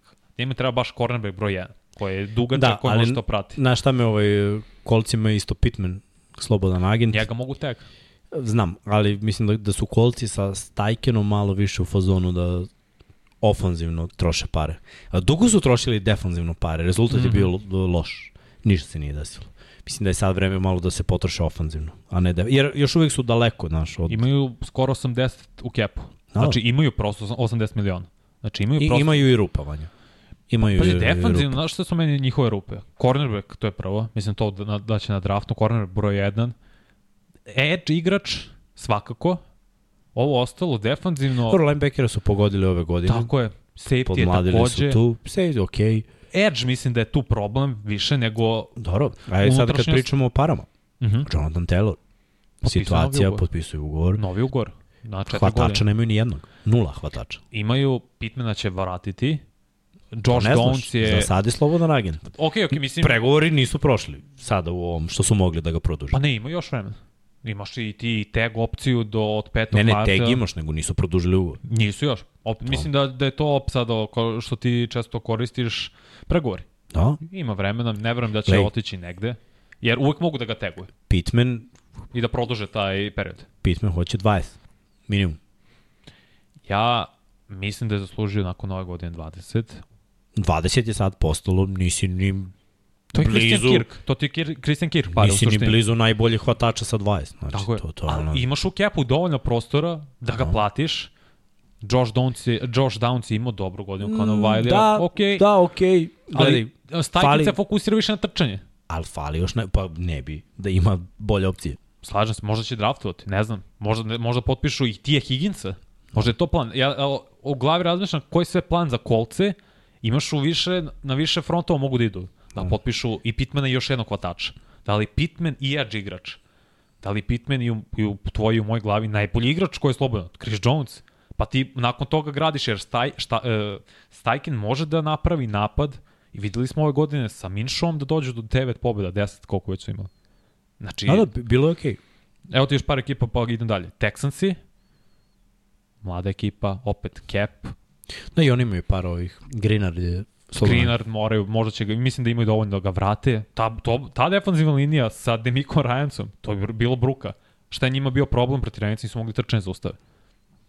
Bam, Chris Jones, to ti je donekle rešenje i odličan pes igrač i još jedna ekipa Bengalsi.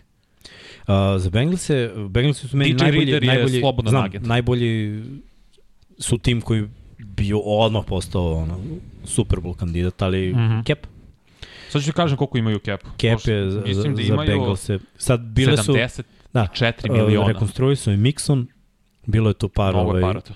da, a, prošle godine su napravili, uh, njima je, čini mi se, Avuzije, isto slobodan agent, A Vuzije jeste, dobro, Da. naravno T. Higgins, probali su sa novim Williams. safetyima prošle godine, Bilo je okej. Okay. Tako da, ovaj, što se tiče, ja da mogu da biram između Hilla ili Jonesa bez razmišljanja bi uzeo Jones. Odmah bi se promenilo Ridera, odbrana. nije Hill. E, Ridera, da. A da Hill se povredio. Ovaj. Da, da. Ali ne znam ni koja je njegova situacija. I nije slobodan agent, proveri se. Dobro, dobro. Znaš kada, šta je ovo sa NFL-om što se tiče Kepa? Svećaš kad je Durant potpisao za Warriors? Mm. Kad je skočio Kepa jedan toliko, to je ovo ista situacija. Malte Ne, ne, za, za njih je najbolje. Pritom u napadu trebalo bi da, da vrate Higginsa jer a, ne mogu da vrate, ne, ne, ne treba da vrate Bojda, znači treba da ostanu ono Higgins i Chase, to treba da im bude. Evo, ti Higgins je sledeći. Srki ti posle pusti petog igrača, da vidimo sada. Ti Higgins, Josh Alec Henry, Derrick Henry. Ti Higgins Pa ajde sledeći ovako, ajde, ajde da uzmemo, uh, nemoj Higgins, ajde da uzmemo running backove, pošto ih je trojica. Ajde, ajde. A, tržište za running backove je toliko opalo što se tiče plaćanja.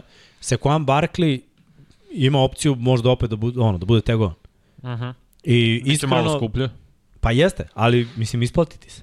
Zato što generalno najplaćeniji running back je 12. Zar nije McCaffrey 15? Bro? Dobro, evo, 15, Malo drugi je 12, treći je 10. I Tako bilo biti toko 11, možda sve okupno. malagano, nije problem. Ali opet, što da mu dam dugoročni ugovor kad, mislim, ne znam koliko će da traje.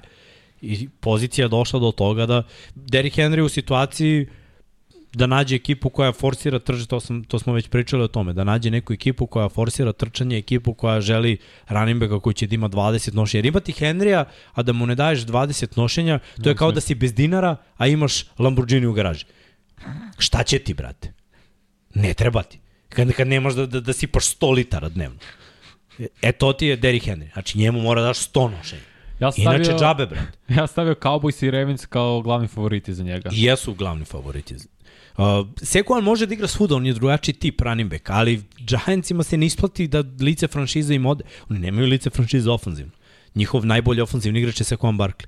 Hvatača nemaju, quarterbacka nemaju, online nikad nije lice franšize, znači ko je? Sekuan Barkley.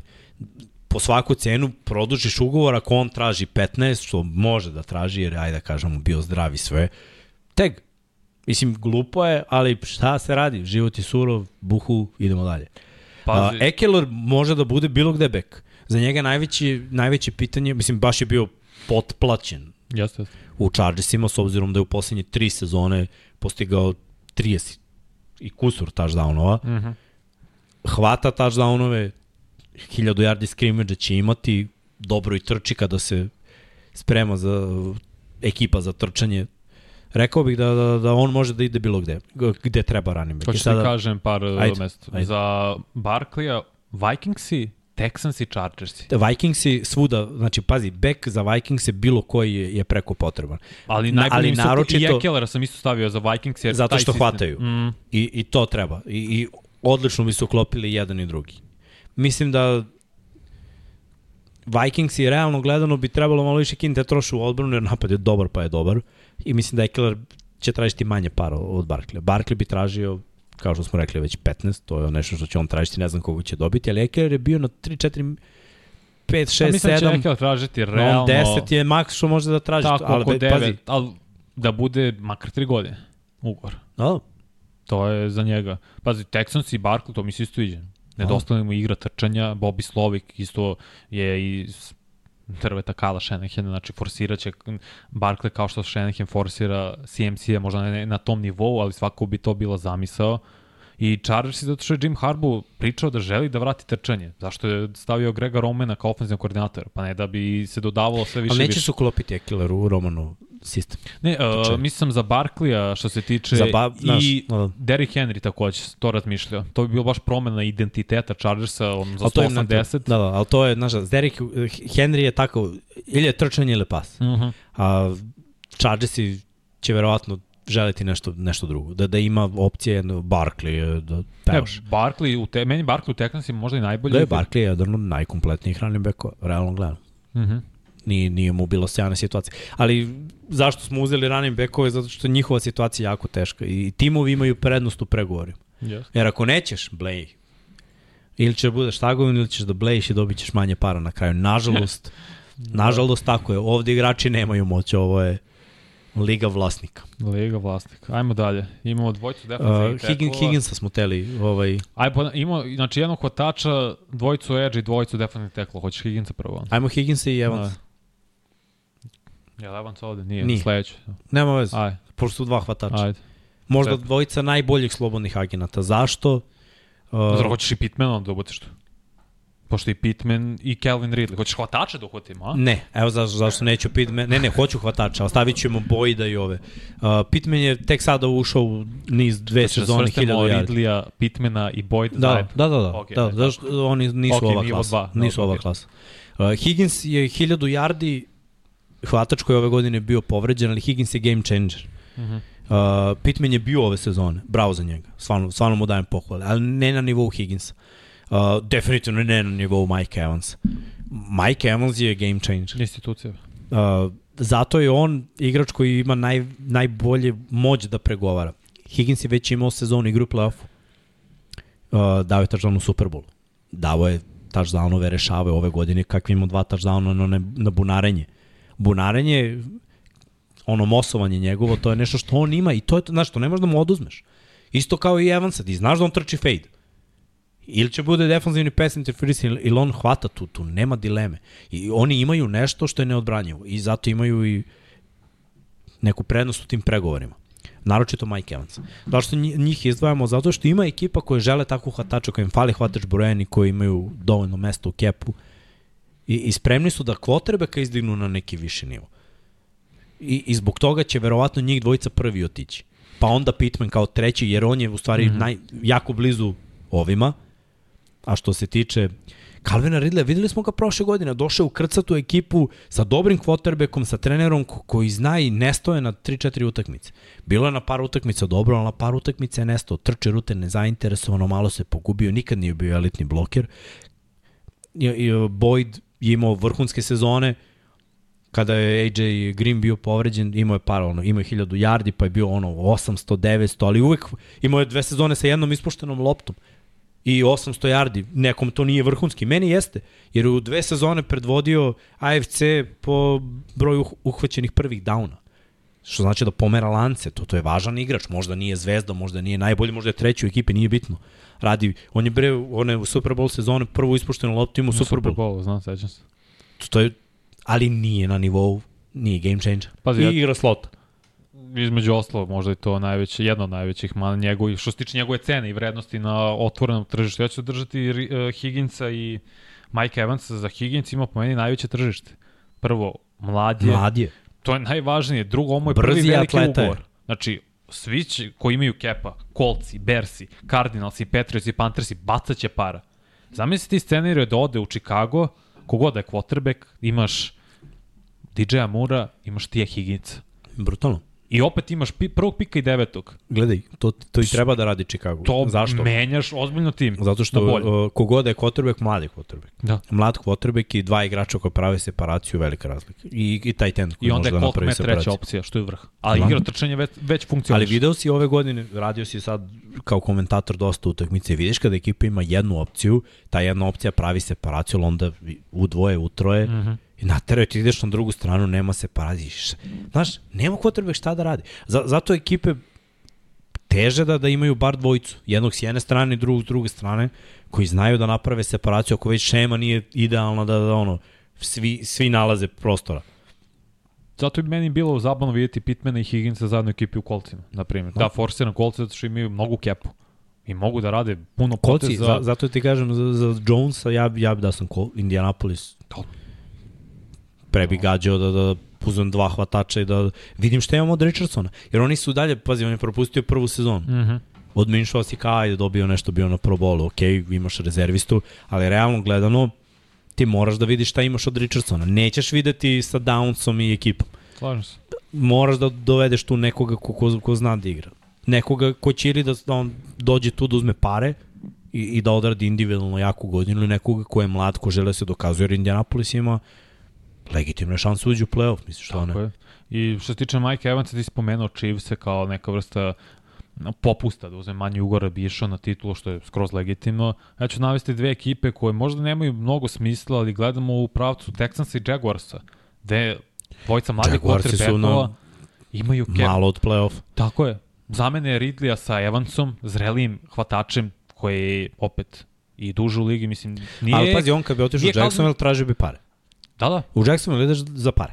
Jackson mora popravi defanzivne teklove i cornerbackove. Može to na draftu da uradi, mogu da, da bace malo više para, opet je i Pederson ofanzivno orijentisan da vide, mora poprave, mislim poprave, da pomognu Trevoru Lawrenceu, da mu olakšaju posao, jer Ridley nije mlad hvatač. Mm. Ridley će sad koliko, 29 godina. On je kasno, kasno ušao Dobro, ali NFL. eto imao je malo sreće da je odmarao. Jeste, sve to stoji. Jednu godinu je sam odmorio, pa jednu godinu suspendovan i ni- nije povređen. znaš. Uh, vidi se da je spreman, on je stvarno spreman. I ove godine Ne, kad sam Se na trening kampu, ono... pojačao da, malo skilažom i vidi se da, da je shvatio trening ozbiljno, sad da je to malo pristup, malo... Šta misliš kao hvataču? Koliko je stalo, ja mislim da je puno, sad zato pitam tebe, Mike Evansu do njegovog rekorda, da nastavi svake godine 1000 yardi. Zato Gledaj, sam gledao... Mnogo mu je stalo. Zato sam gledao CJ Neće on Stroud, otići, neće on otići u krš ekipu. Tako je.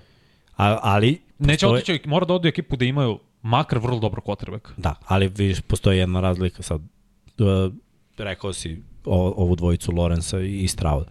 Ali ekipe nisu sigurno u playoff. Prvo, ni, ni, ne znaš šta je u AFC-u i da li će samo jedna ekipa sa juga u playoff. Mm -hmm. I ako jedna ekipa sa juga ode u playoff, što je bio slučaj ove godine, da li si ti u toj ekipi? Znači, mora uzmaš pare. Imaćeš ti 1000 yardi. Mislim, sa 17 utakmica sramota je da takav hvatač nema 1000 yardi. Kvotrbe koji može da ti baci sve je to. Okay. Mislim, njemu je Baker uspeo da baci 1000 yardi. A Bakera ne stavljamo među najbolje prangijaše, jel tako? Ali Mike Evans ima tu jedinstvenu sposobnost da, da, da se otvara. Tamo tražiš paru, u Chiefsima ne tražiš toliko para zato što znaš da će te Mahomes gađati, znaš da će imati svoje, jer zapravo Mahomes dugo, dugo nije imao te vertikalne rute, jardažu na tim vertikalnim rutama, uglavnom se sve svodi na ono, ono kratko i srednje. A, a malo toga, zamisli da mu daš vertikalnu opciju koliko bi to bilo zajedno. A pritom Da. ekipa je back to back šampion, žele da ide, idu na treću, zamisli Andy Arida da mu daš Mike Evansa. To su stvari koje onda razmišljaš, ok, ako već idem da igram sa najboljim quarterbackom danas, sa možda najboljim ofanzivnim umom, Andy Reid, da imam dobrog saigrača na kog će svi da obrate pažnju možda više nego na mene, to je Travis Kelsey. Imam dobrog igrača u backfieldu, koji će biti tu, tako je. sebe, u Rašiju Rajsu. Što da ne daš popust ono 5 miliona, da, da, da, da staviš sebe u tu Mhm. situaciju, jer onda možeš i do rekorda da nastaviš sa 1000 yardi, ali možeš do drugog prstena i, i, i da nastaviš da ideš ka kući slavnih. Tako je, pazi, nismo, To je jedina ekipa koja bi dao popust da sam Mike Evans. slažem se, ali ni, više nismo gledali, nismo ni nabrali ekipe iz NFC-a. Zašto? Razmišljao sam o Ramsima, ali Ramsi već imaju dvojicu hvatača. Da, lepo je. To je lepa zamisla ideja da imaš i tu Mike Evans, ali ne, ne, ne. ne verujem da će to nema, biti tako. nema toliko lopti. Tako Zato što je. su Puka, Puka i Cooper Cup su uh, kvantitet hvatači. Tako Njima moraš 12 da daš, 15 njima moraš meču. daš 15 targeta. Da, ne, znaš, izgubio bi se. zato mi nema smisla to. Nema, Nema, smisla, nema, Ramsi gledaš ostale timove u NFC-u. Chiefs nemaju, nije, po mom mišljenju, Mhm. Chiefs imaju jednog hvatača, to je Rashi Rice. Tako je. I to je to. Zato, zato sam rekao, treba, mislim da treba da draftuju u prvoj rundi hvatača, jer vreme nemaš. Oh. Možda Cowboys, jedino, Ja zašto, bih sve, sva jaja u korpus Evans. Verovatno će tako biti. Mislim, ako bi ugrabili Evansa i vratili ovu dvojicu, mislim da kažemo i Willie Gay je slobodan agent isto. Mm. Ne znam šta će se desiti, imaju dovoljno kepu, mogu da izmanipulišu Imaju opet kepu i to. Mahomes je pre to je radio, rekonstruisao svog ugovora da bi olakšao ekipi kad krene period ovaj, Da. free agency. Vidjet ćemo, smislit će. Uh, mislim da je Josh Allen. Josh Edge. Allen, Josh Allen je uh, sledeći. bio jako dobar ove sezone. Brook. 17. 17 i po. Da. Iskido je sezonu i vreme da se naplati. O da. Uh, godinama već najbolji rusher Jacksonvilla. Za njih ima smisla da ga imaju cap, za njih ima smisla da ga vrate. Zašto? Zato što on, on je zapravo defanzivno lice ekipe. Da, Volok on ima dobre sezone, ali, ali on nije njihov igrač. Istina. On je doveden. Tako je. A Josh Allen je njihov igrač. I bio je tu još dok je kao bilo ono, Sexom ili ovo ono. Jel Zna- bio tad? Nije. Da, da, Nije bre, ruki, draftovan. Dra, draft Da. je nakon toga, 2020. Bio je sa istom ekipom. Sa istom ekipom. Ko je išao u finale? Ne, ne, ne, ne, ne. S ist- Ne, ne. I dalje je bio tu Kalajs i dalje... Da, a? Da, Okay. učio je od iste ekipe. Bio je ono, mlad, nije bio toliko dobar, ali zna kulturu i postoje vođa. I stvarno je postao vođa. Jasno. I na terenu i vokalno radi odličan posao i kad imaš 17,5 sekova, mislim, moraš da orobiš banku. Mora, 25 miliona. Jacksonville ima cap, ne znam zašto mu ne bi dali ugovor, ali ako oni neće, takav edge rusher bilo gde može da ode da se proda. Evo ti, par timova. 20 timova možemo nabrati. Evo koji imaju cap, Commandersi. Njima treba. Nemaju edge rushera. Patriotsi, pored Judona, je. Duporiš. Lionsi, koji da, moraju plate svoje ofenzivne linjaše unutrašnje centra i garda, ali, brate, imaš dovoljno para jer ti treba neko preko puta Hutchinson. Da, da. To ti fali zapravo Ima da smisla. bi napredovao. Raidersi koji nemaju nikoga u odbrani, pored Maxa Crosbya, ti gledaš na pare i Falconsi. Slabija divizija, Rahim Morris, defensivni koordinator, snaćiš se u sistemu, on će ti staviti u jednu super Pa i situaciju. Karolina manja. Tako je. Burns je isto slobodan agent. Jeste. I on je isto na listi. Mislim, možemo A. odmah da povežemo. Ajde. Ajmo sve edge rushere. Pa njih dvojica. A ne, ne znam ko je ostao na listi. B- Pusti Srki. Ali imaš 30 igrača, brate. Dobro, pa vidimo rushere. Evo Ovo ti druga lista. Huff. Chase Young, dobro, Chase Young nije imao takvu Daniel sezonu. Hunter. Daniel Hunter, da. Bryce Huff. Mislim da on može da bude kao Trey Hendrickson. Ne, I, ne, ne, ne, iskreno. ne, ne, on pobeđuje, ali neće biti u klasi sa ovima za ne, ne, pare. Ne, ne, on će biti, kažem, ti, kao Da, Trey da. Hen Hendrickson. Ima- Ispod radara, ima dobro potencijal. potpisivanje, ali ajde, evo, njih Gledaj, trojica. da, Daniel Hunter ima isto brutalnu sezonu i... Najjača ruka u NFL-u 100%. Lik je nerealan. znači, Ima, ima 100%. venu koja ruku. je nerealan. Ali ovaj, ubio je sezonu stvarno Yes, i brutalan igrač i može da ga koristiš protiv bilo kog tekla u jedan na jedan situacijama. On je malo stariji nego Burns. Nema veze. I, Nema veze. Uh, Josh Allen. Ta, ta pozicija je takva da mislim da niko od njih neće dobiti više od tri godine ugovor. A eventualno ono, U, pa ja mislim da će Josh Allen Pa i mogu da dobiju- Bryant 4. a, ali su opcije. M, mislim da niko daju to ni ugovor, ali posle tri imaju slobodu da se raziđemo. Ako ne ide. Aha. Jer uh, ko od ovih igrača, ajde da kažemo od početka konstantan, Daniel Hunter je bio povređen. Josh Allen je imao slabiju sezonu. Brian Burns je ova godina bila loša za njega.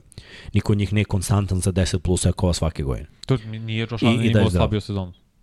Sada, ovo prošlo. Uh, Burns je imao uh, sada, a Josh Allen je imao da li je prošle ili pretprošle. Skroz im me zbunio.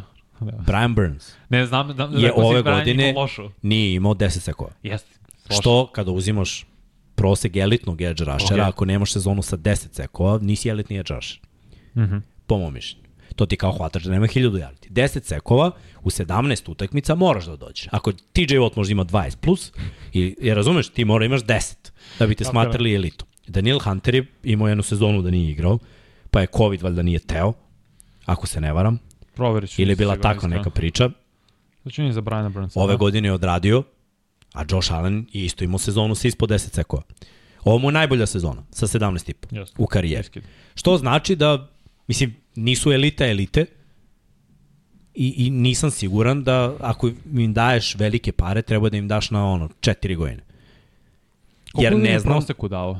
ne, ne, svaka bi bila četiri, ali 3 plus 1. Ne, ne, u proseku Para. godine. Da, da. Pa, Ja mislim moraš... oni su najbolji što imaš dana. Mislim, dv- 25 je nešto što je minimum što moraš Dobro, da daš. Ja bi se složio da su oni na granici top 10.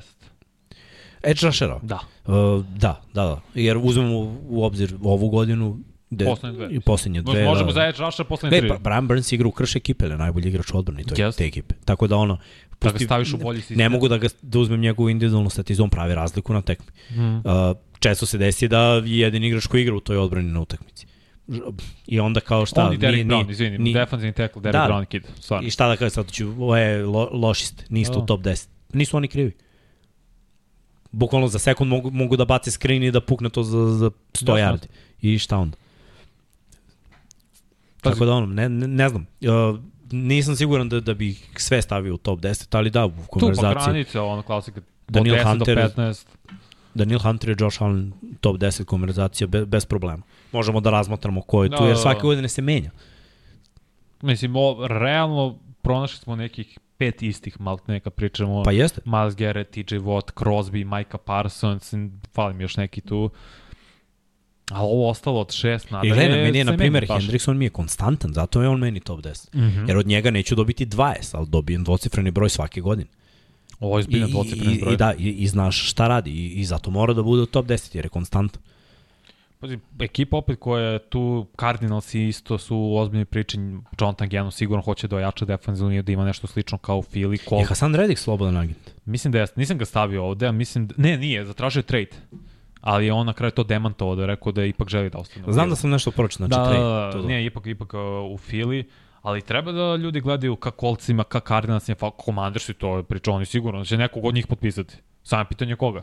Jer imaju toliko para da moraju da troše gde god da Pa stignu. treba im Rusher. Treba im, treba i Rusher između ostalog, ali bit će zanimljivo, mislim da će Dan, Daniel Hunter potpisati možda malo manji ugovor, ali za ozbiljnu ekipu.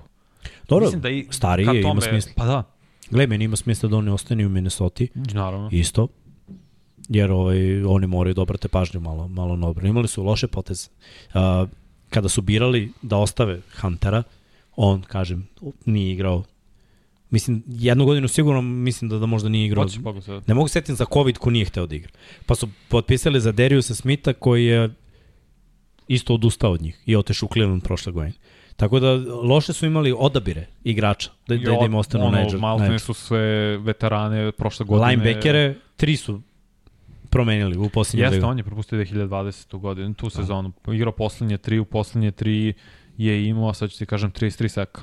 Da, da. tri sezone. Ne, ne, ne, Super. on Mislim, mi je- prošle on- godine imao 16,5 sekova, Da, da. igra Bruka. On mi je jedan od uh, konstantnih. On, on mi je sigurno u top 10. Za, za njega nemam dileme, ni malo. Pazi, u Tako svojoj da- karijeri ima 87,5 sekova Daniel Hunter.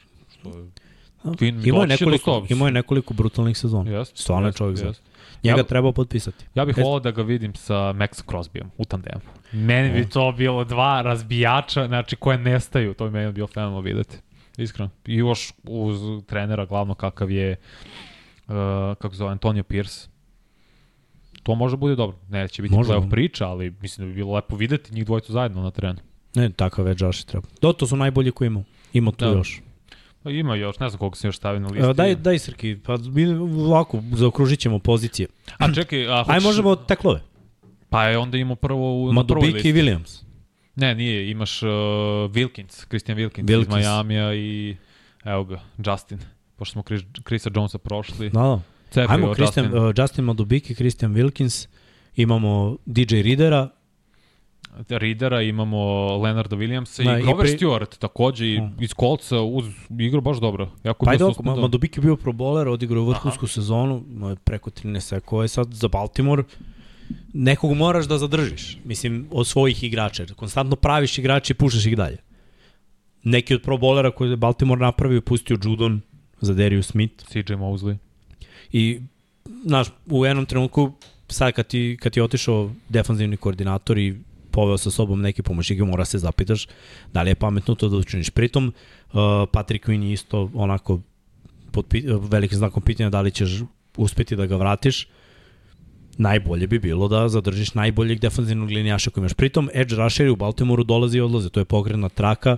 Uh, bomci se pojavljuju, dolaze do između 8 i 10 sekova, nikad to gotovo nije dvocifreni broj, a Madubike sad tekli mu dvocifreni broj.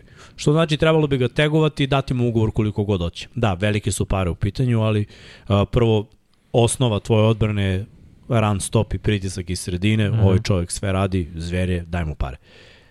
Nema je. Ima najbolju najbolju uzlaznu putanju od svih ovih igrača koji postaju slobodni. Zašto? Prethodna godina je bila dobra i video si da će postati važan igrač. I onda je prošla ova završena da. sezona bila brutalna.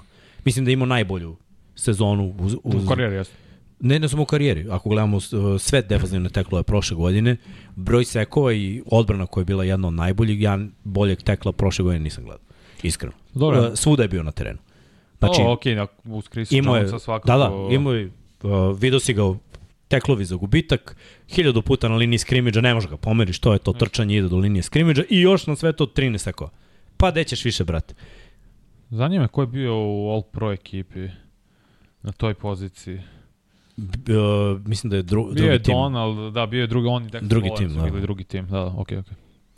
Uh, što se tiče uh, Ridera, Stewarta, Wilkinsa, Wilkins, ja Glej, mislim da je mnogo bolji je od ekipa, ovog mnogo je ekipa kojima, evo, pričao si o Washington. Mislim, igraš u diviziji, Dallas će pronaći running backa i trčanje. Mora braniš trčanje. Fila trči. Dobro, Ne-. Commandersi imaju Jonathan Allena i ovog drugog isto iz Alabama. Neko od njih, uh, Derona Payne, ali neko od njih je isto... Nije, nije. Nisu oni slobodni agenti. Njih su produžili. Neko je baš izrazio Misliš ogromno nezadovoljstvo? Ne, ne. Probat ću naći. Mislim, znam da nisu slobodni agenti. Neko je da, lajao po, po Washingtonu jako. Mislim, razumem ih. Da, sko. Da, mi- nisam Nji, dovoljno njima je edge rusher. Uh, Fila, šta znam, Nema feel cap. Fila nema cap.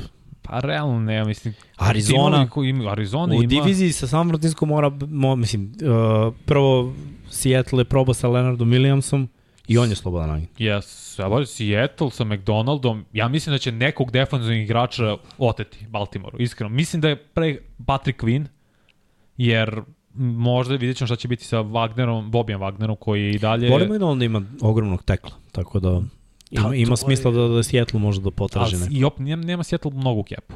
To sve varira. Pre, Bears imaju puno i njima je baš treba.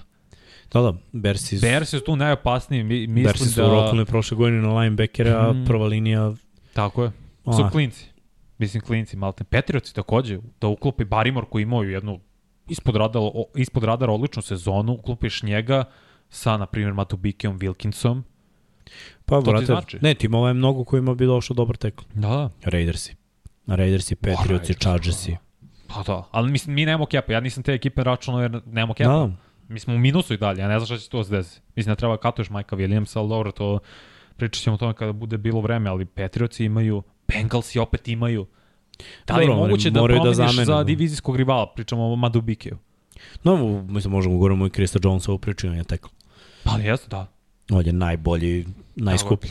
Tako ali mnogi, mnogim ekipama bi lepo došao. Meni Mislim, je- ja Madubike ja baš računam da jedan od Mhm. onih za koji nisam uopšte ne bih razmišljao kao GM koga ću vratiti, to je tvoj igrač, tvoj pik, tvoj mladi igrač koji je produktivan i, ono, brutalan.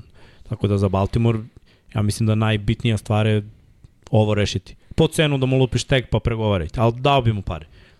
Jer taj stil odbrane sa, sa dobrim linebackerom iza, on može da igra ovako još sigurno dve, tri godine što, ti je preko Polako, je potrebno i što vredi. On je mlad. Pa i Rokuan, Pa da. isto. To Takvi ti- igrači, to to, to vredi platiti. To Pa ne, ne žališ ni dinar za to. Ti onda u tom slučaju malte imaš lica sadašnjosti i budućnosti na sve tri defanzivne linije. Madubike, uh, Smith, Hamilton. Hamilton. Brate, A, ti si Istina. rešio to. jeste? Moraš stvarno da se potrudiš oko toga. Spomenuo si Leonarda Williamsa. Meni je više sad kao plaćenih. I gledao bi ekipe koji su kao, ti spomenuo Cowboysi, koji imaju rupu. Sem od Igizuve, niko tu defensivnog tekla ne igra na tom nivou. Takve ekipe, možda 49ersi malo obnove, pošto idu Kinlo i još jedan defensivni linijaš, sam setim koji. Opet Seahawksi možda budu ekipe. Ta neka vrsta ekipe koja je ka play-offu ide ili je već u play-offu da im treba neki plaćenik. Da je ušao u, godine na Damon Kong Su Da, da. u završetak Okej. karijere. Šta Biće, biće zanimljivo. Svakako tržište za tekle možda i najbogatije sad u ovom free agency. Pa jedno od sigurno. Pa ja, Mislim, možda, ja sam stavio imamo, pet ovde, ali... Imamo mislim, 5-6 baš dobrih Da, tekla. da. Da, da. Da, neki će ostati u ekipama, ali dobri igrači. Pazi, DJ Reader isto je, brate, baš Da, dobar da, igrač. no, zahvalan. Povredio, uh, imao je povredu, dalo grudnog mišića i sad to je, ne znam ko će biti njegov status, možda to bude uticalo na ugovor. Ma, brate, sve to se zavliči, nema brineš danas. Ne, sportska medicina je u poslednjih 10 godina nevjerojatno. Uh, Srkane, ajmo, ajmo daj nam opet listu. Daj nam drugu ajmo, listu, ajmo sa linebacker. prve smo sve skinuli. Ja ne znam šta sam stavio u prvih 30 iskreno. budem. Pa viš kako, Nisam išao po poziciji, već po imenima najboljim. Tako da. nema veze. Pa Ne, ne, ne, ne, daj nam- drugu daj nam- listu. Prvu smo završili. Sve smo sa prve. A linebacker? Pa nismo imali, imali smo o, outside linebacker. Imali smo outside To, linebacker. to, to, e, to. To, to. Ima ovde par cornerbackova. Ajmo cornerbackova. Jarius Sneed, Jalen Johnson, Brate, rekao si Xavier Howard. Tako je. Šta ima na sledećoj? Ima cornerback na sledećoj listi? Ne, ne, treća. Treća, te je lagao. Mislim, meni je Jalen Johnson pa ruka cornerback. Odlična sezona. On je, on će biti. Samo safety. Ok, ajmo ovu trojicu, onda cornerback, pa ćemo ostale safety i to što je ostalo. Uh, meni je Jalen Johnson tako odigrao sjajno. Jednom, jednom je dozvolio na utakmici 25 yardi hvatanja. To jest ukupno 25 yardi meču. Sve, ispod, sve na svim ostalim utakmici ispod toga bilo. To je definicija u mojoj glavi. Cornerback broj 1, shutdown, zatvorite jednu stranu terena, zatvorite najbolje hvatače, predispozicije su tu, svakoj ekipi je neophodan jedan cornerback takav. Ili ćeš da ga draftuješ ili ćeš da ga platiš, ali moraš da ga imaš, nema tu. I, ili će sistem da ti izvodi. A sistem može da ti izvodi samo ako ti je front seven toliko dominantan da Kao što su Eagles imali, kao što je Tampa No. imala šampionskih godina. Pa i Baltimore. Pogledaj ti cornerbackove ove godine. Je znaš ko su bili? Sem ovog brata tvog omiljenog, kako se zove sa 44, Humphries. I ovaj, kako, e, što ide u Blitz. Rock. A Rock Ne, ne, znam bro, okej, Rock, Rock Yasin i nego ovaj... Brandon Stevens. A ne, nisam mislim Stevens, nego ovog drugog. To su outside. Molet igra u A slotu. Molet igra u slotu, okej, A. dobro. Ja razumeš? Katastrofa. ja volim Rock Yasin kao ime. Da bi ti, da bi ti ekipa igrala dobro sa takvim kornerima, sve drugo mora da bude zategnuto i da pršti. I imaš safety. bro. Nemaju mnoge ekipe ovu priču i zato moraš da imaš premium cornerbacka, što znači da i Smith je ogri- odigrao vrhunsku sezonu. Da, imao je Čito. dobru ekipu oko sebe, ali brate, mislim, Brate, zatvorio je Diba. spako je, ma šta Diba, brate. Sve. Jednom rukom je bumpovao Terika Hila na bulju. Dozvolio je samo jedan touchdown. I to nakon što je Josh Allen skremblovo boga oca. Dobro, njima je samo, bre, Zay Flowers imao 100 yardi u playoff. E, oni McDuffie su... Kombinacije hvatača nisu imale 100 yardi. Da, da. zaslužan je i, i ostatak, ali i on je, mislim, za, zatvarao. Tako da ovaj sve pohvale zaista. I, ali, opet kažem, Chiefsi imaju toliko mladih igrača da mogu da ga zadrže, ali već smo videli neke scenarije da ono, uzeli su šampion, šampionsku titulu, zašto? Mogu da draftuju nekoga i sa istim defanzivnim koordinatorom koji je tu u istom sistemu sa drugim dobrim igračima, oni imaju strpljenja i imaju kako da naprave kompenzaciju. Čak i on ako se zbuni i napravi neku glupost, tu je Mahomi da ga povodi i to je to, mislim, da se ne lažemo do play-offa će da nauči da igra. Jeste, Ali imati Lađeriusa Snida je, je isto kao i za Charverisa Warda, pričali smo to prošle godine, evo ga, iskiduju San Francisco. Jeste. Ima nekoliko ekipa, pazi, Rams ima treba cornerback, imaju kepa. Eagles, ako stvore kepa, Howie Roseman je sposoban za to. Njima treba cornerback Eagles takođe. E, šta oni su, ovaj, Šta? to smo i Bradbury su, Šta? Jesu ga šutnuli? da, da, Zvanično, sad čujem. možda nisu Možda zvanično. sam- Ne, ne, možda sam pročio, nego sam zaboravio. Mislim da jeste, mislim da mi je Luka poslao odmah da, da se radovao kad su, Da, kad su ga kato. A ako ne, onda je rešeno, ali nije, ono, nije samo napismeno. Ali mislim da jesu. Ne znam što baš sad bacim pogled. Bazi, Bengalsima treba cornerback, a imaju kepa. Mm. Takve ekipe koji su playoff ekipe, Rams i Colts će opet da ubacim, tu treba da gledamo i gde će Snead, Jalen Johnson. Mislim, ja mislim da će Jalen Johnson da se vrati na kraju Bears. To bi bilo pobeda za njih jer im treba. Da imaju taj Rika Stevensona na jednoj strani, zanimljiv je ovaj uh, Brisker kao safety, što ima broj 9, ali Jalen Johnson je glavni igrač u tom sekundariju. Tako da ne bi bilo baš upitno da njega izgube. A ne mogu da nađemo ovo za... Ma kuci samo Bradbury. Ne, u, u kucu sam, ništa nije... Bradbury. Googlej, News. brate. Odakle ti net? Na svoj sam pustio, brate. Nema. A ugradio sam kući optički. Pff. Skinuo sam 2K24 koji je preko 110 giga u roku od sat vremena. Nije piraterija, platio sam, vrati šta. Platio sam. Na sniženju 35 dolara premium, pa si lud. 65% je snižen zbog All Stara, mislim da traje još danas. Kogod je gledao All Star 70% popusta. Bukvalno. I iz- izvinjenje. je- Ovo kao što. Miksa hvata patike, snižen tako hvatam igrice, bez. A, pa ja obilazim Teo, PlayStation Store. brate, u Kenjama. Ali više si bio sad na putu do Ikea, brate. Nego... Brate, ja obilazim PlayStation Store, to, sve imaš lepo, ja ne kupujem fizički ovaj, kopiju, nego, brate, lepo tamo stoji, Dobiješ dodatne popuste. A čekaj, čekaj sad, uh, Ja. quick question. Kad kupiš takvu igricu, Dobro.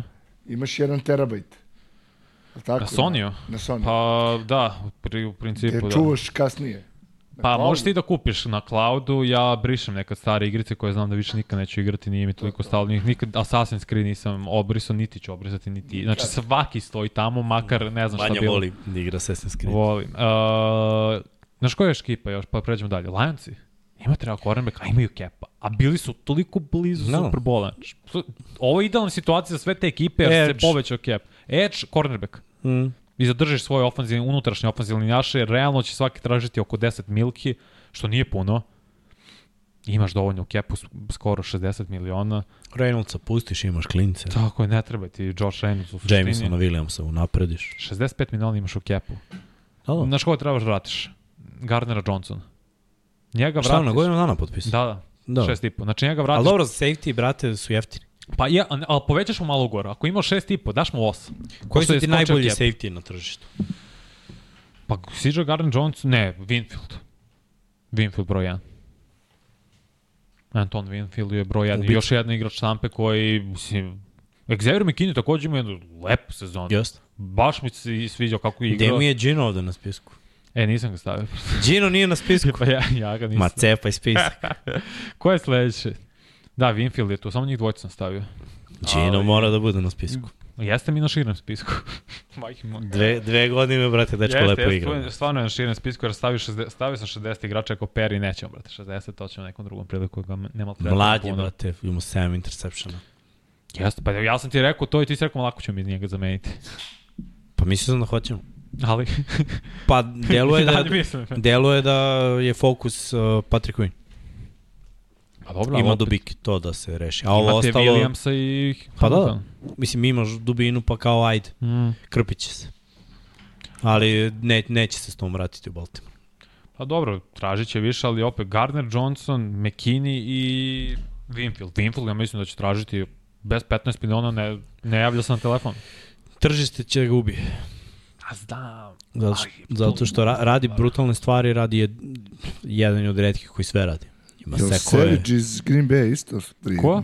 Savage. Darnell, mislim da jeste. Ali njega stavljam u kategoriju Gino Stone. Šalim se. Dobar, mislim, dobar, Dobar je Savage, Savage. ali nije nije Niko nije McKinney, kao nije Winfield, Winfield. znaš. Nije ni McKinney kao Winfield. Nije, nije. Winfield je jedinstven. Ali ne možeš ti da praviš anomaliju u tržištu jer onda dižeš poziciono rast cene. Zbog toga se neće desiti.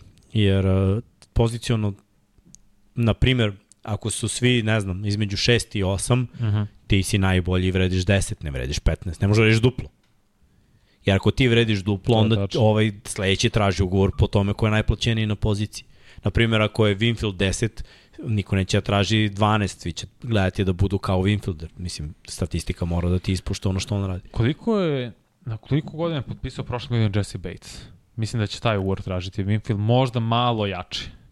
Dobro, gledaj, Jesse, je tačno- Jesse je prvo, za razliku od Winfielda, imao jednu brutalnu kampanju, stigao do Superbola, bio jedan od najvažnijih igrača u tom sekundariju. Četiri I- godine, izvinim što prekim, četiri godine 64 miliona. sačeko je pravi trenutak. I glej, velika je razlika. Uh, pre dve godine i prošle, prošle godine su toliko srozali tržište safety-a da je sramota. Iskreno, sramota. je. A on To je prošle godine dobio taj ugovor veliki. Jako, jako teška, ali jedan jedini. To će biti Niko drugi nije dobio 10. Da, ne mogu setiti koliko bilo, mislim da si upravo, ali to će Karen biti Johnson je pregovarao, brate, prvo za 8 i na kraju 60. se pomirio na... Pa to ti kažem. A mislim, dobar igrač. Jeste. Bilo, bilo je jako teško. I pritom bi- bio bi Super Bowl, bre čovjek. Da, da, Imao koliko imao uh, u prvoj polovini sezone pet interceptiona, prevodio ligu. Šest. I onda se povredio, pa, pa nije završio kampanju kako je krenuo. Ali Ima tu Dagere takođe iz Patriotsa, ali on je defensivni back. Ja ne znam kako, opet, Dobro, on teško igra- mi je da ga zamislim u drugom sistemu, jer ne znam kako će drugi defensivni koordinatori najbolje da ga iskoriste. A? Njegov potencijal, on, to on, je, zna. on je player, može da igra. Da, da. On može da igra šta god. Kao, kao oni sa Michigana, kao Jabril Peppers. No. To mi je taj tip igrača i Xavier McKinney je za Giants igrao baš veoma dobro, radio prljav posao, Je, dobar jak udarač, Dobar igra, ali nije dobar igrač. prljav. Mislim da on može da ima tu oko desetak miliona, još ako ostane u Da, baš me zanima, baš me zanima kako će to tržište. Ovaj. Jer za running backova mi je jasno, a za safety nije. Mm. -hmm. Pritom, toliko je liga orijentisana ka pasu da mogu da razumem zašto running backovi dobiju manje para. Mislim da safety je toliko u kanališ, to mi nije jasno jer dobar safety pravi veliku razliku. Videli smo ove godine ekipe koje imaju dobre safety odmah druga priča. Ti safety imaju interplay safety Baltimora bre preko koliko ovaj imao sedam Hamilton ima isto par Williams isto Imali su dvocifreni broj, mislim, interception kao safety. Samo. Zamisli safety da ti imaju dvocifrene broj interception, nije mala stvar.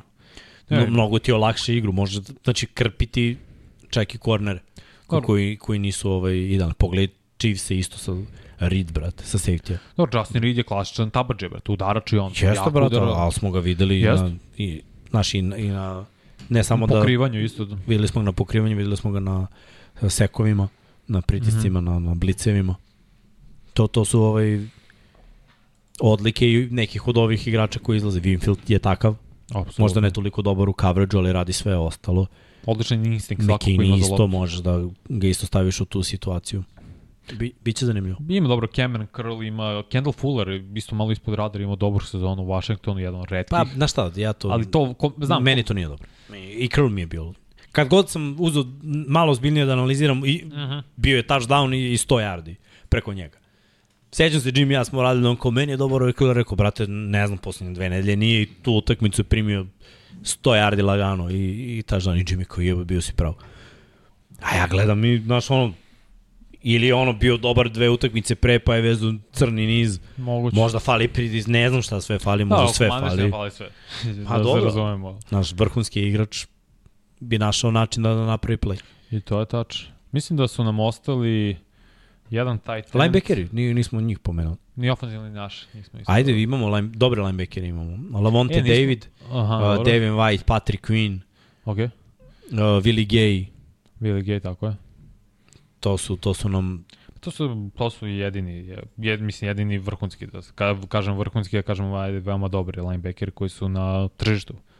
I pogotovo Lavonte David, on ako ne želi da ostane u Buccaneersima, što je bila Da. geks, uh, greška za Bakse, Ali za Lavonte Davida malo je u dru, drugačoj situaciji.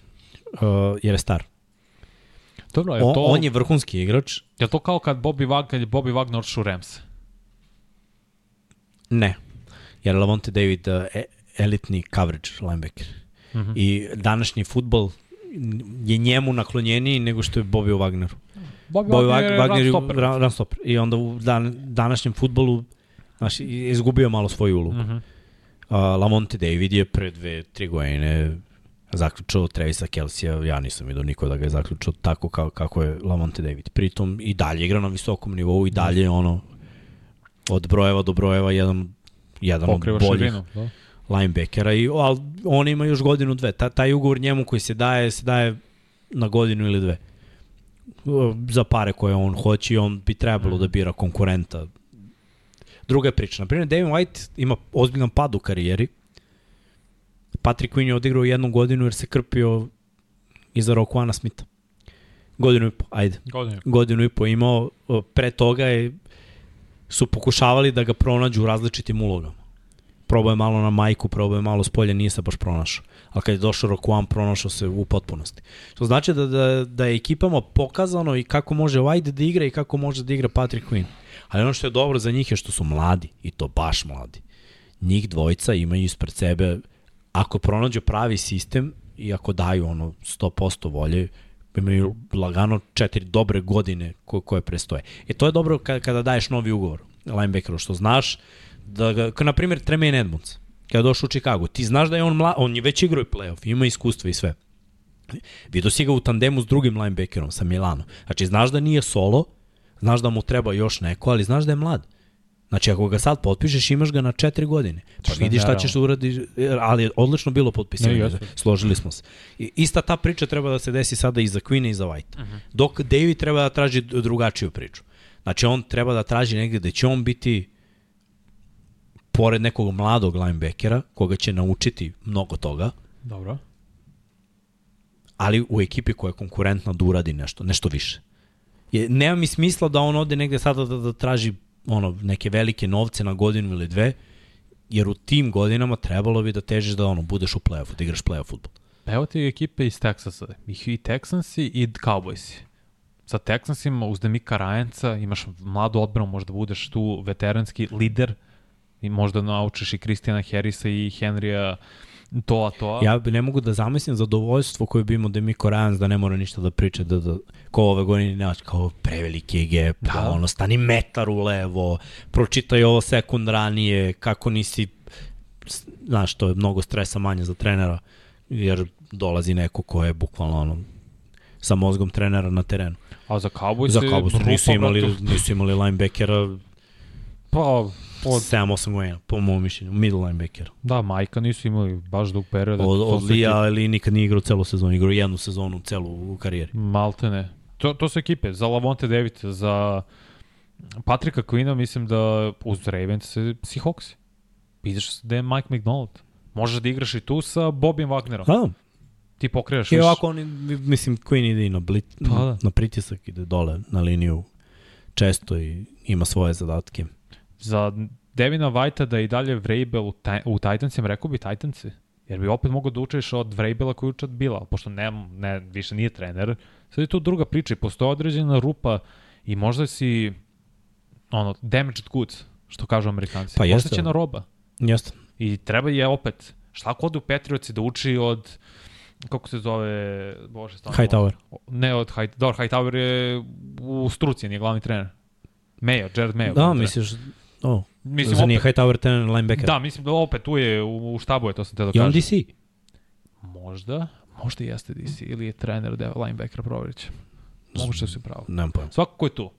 Učiš od njih dvojice, kao Devin White, kao mm. mladi linebacker. Mislim da si pametan, možda bi to, treba, to treba da uradiš. Brate, White je osvojio Super u play-offu, kidao kao, stvarno kao Dobit klinja. Dobit ćeš para. Bio je jedan najbolj, on je bre... Pričali smo, treba bude najbolji linebacker. Protiv Saints imao dva fumbla recovery. Da. Pričali smo, treba bude sledeći mm. u nizu. Delovalo da hoće. No, možda je promena scenarija, svakako treba. Mislim da mu ne treba Dallas da bi tamo točno po, po još više. Da, da, da. to je bilo propast. Ma bi bilo lepo gledati njega i Majku Parsonsa. Tako da ko zna. I bit će svako tržište za takve igrače. Jer uvijek ima. Istina. I plaćeni su i prošle godine su bili i TJ Edwards i Tremaine Edmonds od iste ekipe, plaćeni su bili Bobby Okereke je potpisao i timski dobar ugovor i za njega do, dobar ugovor sa Giantsima. Kad je bio druga opcija pored tada kako se zove mm, otišao sad u Eagles stavi mozak. Šutnuli su ga. Shaquille Leonard. Bobby Okereke i Leonard su bili ozbiljan tandem. No, yes. Okereke je otišao, postao Leonard broj 1. Tako je. Što, kako, zašto? Dobro i povreda. Povreda, nema vezi. Godina. White nije bio povređen. Možda je stvarno mm, promena sredine neophodna. No. Što dosta stavlja Tampa u lošu situaciju. Ako im odu... Razmišljam malo o Pittsburghu kad su linebackeri u pitanju. Da, oni su imali dosta povređenih linebackera. No. I to bilo je ono pokušaj i katova i, i svega i svačega. Inače njima je da. Devin Bush isto slovo nogi. A da, ništa se nije Bush pokazao. Uh, Jacka su potpisali i prosledili. Malo sa Jacka, Ništa da. od toga. Spillane je otišao u, da. u Raiders Oni su mi kandidat za, za Koliko tipa... Koliko bi igrao dobro, tu se pokazalo neko grade, ovaj kako se zove, Landon Roberts takođe isto moment, ali su bili povređeni. Klon Aleksandar se povredio takođe. Dosta povredne, no. baš na poziciji unutrašnjeg linebackera su imali na kraju. To me zanima. Da li će oni možda da pojure neki promene? Moguće, moguće. I mislim da smo ostali par gardova. Mislim, gard možda zvuči smešno, ali Dotson je igrao... Online, bre, nikad smešno. Brate, Dotson je igrao sjajno za Rams. On je bio Steelers, je, upravo je tu kadru Kevin Dotson, ali igrao bruka godinu. No, I da. zaradit će dobre pare kao desni gard. Mislim da sledeću i Johna Jackson. Johna Jackson. Da. Što, mislim da će ga vratiti Detroit. Ne Kevin Zeitler. Zeitler takođe. Simpson isto iz Baltimora. Robert Hunt koji je gromada koji imaš mm. 198 na garda, što je nerealno. Amo i, i teklove, to Tyron Smith je tekl. To je zanimljivo. Ja sam mislio, ja mislim da će ostati u Dallasu, opet. Nisu produžili, bilo je pregovora. Da, Jetsi su zanimljiva opcija. A što bi ostao u Dallasu? Celu Sve karijeru. Tamo. Pa da. Ja mislim, ja, nažalost, što, što Jerry voli da vodi račun o svojim igračima, koji on odabra. Znaš, ne, baš mi bilo nekarakteristično s njegove strane da se ne pobrine da ostane Tyron Smith koji je tu koliko već, 11 sezona. Kad je potpisao jedan od najvećih ugovora u tom momentu sa Tekla. Znaš, i najdužih. 8 godina je, mislim, da mu bio ugovor. To, baš mi to bilo čudno da ne ostane na kraju. Ali Jets je odmah zovi. Iskreno? Odmah. Nema, nema šta čekaš. Ti ideš sve ili ništa sledeće godine. Kao da si Jets. Ja da sam Tyron Smith promenio bi scenariju. Uh, ekipu. Gde bi Iz jednog razloga. Samo iz jednog razloga. Gde god. Glej, gde god da odem, ili će da bude loše ili će nešto da se desi. Bisimo se ništa neće desiti. Ući ćemo u playoff i ispašćemo. To ti je sigurno. Jako. Pa, E, je, je. gledaj, da, da li je po tvom mišljenju Tyron Smith Hall of Fame? Apsolutno. First ballot. Bio najbolji levi tekmo u meni svojoj generaciji. jeste, meni nije first belt. Brate, Kako? sav respekt za individualno, prvo, mnogo sezona sa propuštenim tekmama, ni, Moram Hall da of Fame je nije first ballot. Nema ništa osvojeno, nikad nije igrao finala konferencije. Respekt za individualno sve, stvarno je bio zver, nosi ortozu za butinu na ruci, razumeš? Brate. Ali realno gledano, no, mnogo je tu stvari, Dobro, pazi. veći respekt imam za Trenta Williamsa nego za njega. Ja mislim da su obojce ubice. Da, bilo je dve godine, 2020. i 22. da je propustio skoro sve utakmice. Znam. To su dve godine. Glej, Elita, Mhm. elita, Hall of Fame, ali ne first ballot. Za first ballot, Vanja, moramo da, ja biram za first ballot, znači u prvih pet godina, ako neko ulazi, taj mora da bude, Andrew, to... ako nema Lombardi, zove? ako nema Lombardi, Dobro. Moram ni ko su sad bili teklovi u kući slavnih. Aj priče, ja se... ako nema Lombardi, mora da ima, da grmi, brate, ta statistika Joe i Thomas. da, da, a da, Joe Thomas igrao sve tek. Znam zato kažem, navodim ti primjer, Joe Thomas. Igrao je svaki snap do poslednje sezone. U najgoroj je ekipi bio pro bowler ono uvek. Radničan koji u poslednje vreme ulazio kao... I njega isto tamo- ne bi stavio u first ballot. Iskreno, ja. Sviđa se Iako je, iako je Hall of Fame, Hall, mislim, ne, nema dileme, to je elita, bre. Ali moramo da razlikujemo e- elitu elite. Po, postoji ono najbolji od najboljih. Nad popom ima pop. Ovde su stavili samo po ofenzivnim linijaša, nisu podelili po teklovima, tako ću probati da nađem samo teklove koje ja prepoznajem. Ti si mnogo strog što se tiče NFL kući slavni, kao što sam ja mnogo strog za NBA kući No, slavni. u NBA upada svako, brate. Za, meni to frustrira užasno. Mislim, gledaj, nemoj me shvatiš pogrešno, ali jedan Terrell Owens nije bio first ballot Hall E, of to je Fame. Brook. To je z- znam. Ja razumeš? Ali, Iako, ali hoćeš složiti da su njega namerno nisu stavili zbog problema van. sve okej. Okay. Mm. -hmm. Ali ako jednog Terrella možeš da mi izbaciš iz first ballot, onda ja mogu izbacim koga hoću. Pošteno. Ti na Terrella, ja na... ja na koga god. Gledam sad koji je igrao Jonathan Ogden, dobro, legenda, da ne mogu da... Orlando Pace. Willie Rofe. jako je teško kao tackle da budeš first ballot. Da, da, gledam, gledam, gledam baš. Naročito sada kada dolaze ove ere da, da igrači ulaze u Hall of Fame, svi igrači koje smo mi gledali, znači mnogo skill pozicije. Biće jako teško. Biće, U principu može da se desi da, da on u penziju ode kad i Rodgers, mislim, Rodgers je first ballot Hall of Famer, ono, no brainer. Neće biti tri first ballot Hall of Famera. Sad vidim, evo, najbolji ofenzivni linijaša pronađem uh, od 2000. Te vidim ko će nam ispasti da, po tome da se orijentišemo. I onda ti je Hall of Famer. First. Mislim, on je guard. Ja onda ima Super Bowl, brate. 2012. Šta je to bilo njegov ruki godina? Ne. Povukao se u devet. devetoj... Nije devet, oko rano. Ne, ne, on se povutu, povukao u devetoj ili u U desetoj. devetoj sezoni, da. se povukao, to je bilo 2020. Da, sledeće godine će 20, biti- 10 je bio, ruki, znači dve je bio u ligi Dve je ili Super godine, Bowl. da, da. Baš Uh, velika razlika, svake godine Pro Bowl imaš Super Bowl. Mislim, baš je rezime. Jeste, Nema veze da li igraš Kako nije? 9 ili 11-12. Igraš gotovo sve tekme uvek. Ja ti Zek Martin koji je jedan od Zach najboljih Martin gardova, pri, šta je on pričao? Pre nego što igram s nekim, gledam utakmice Baltimora i gledam šta je Janda radio protiv toga.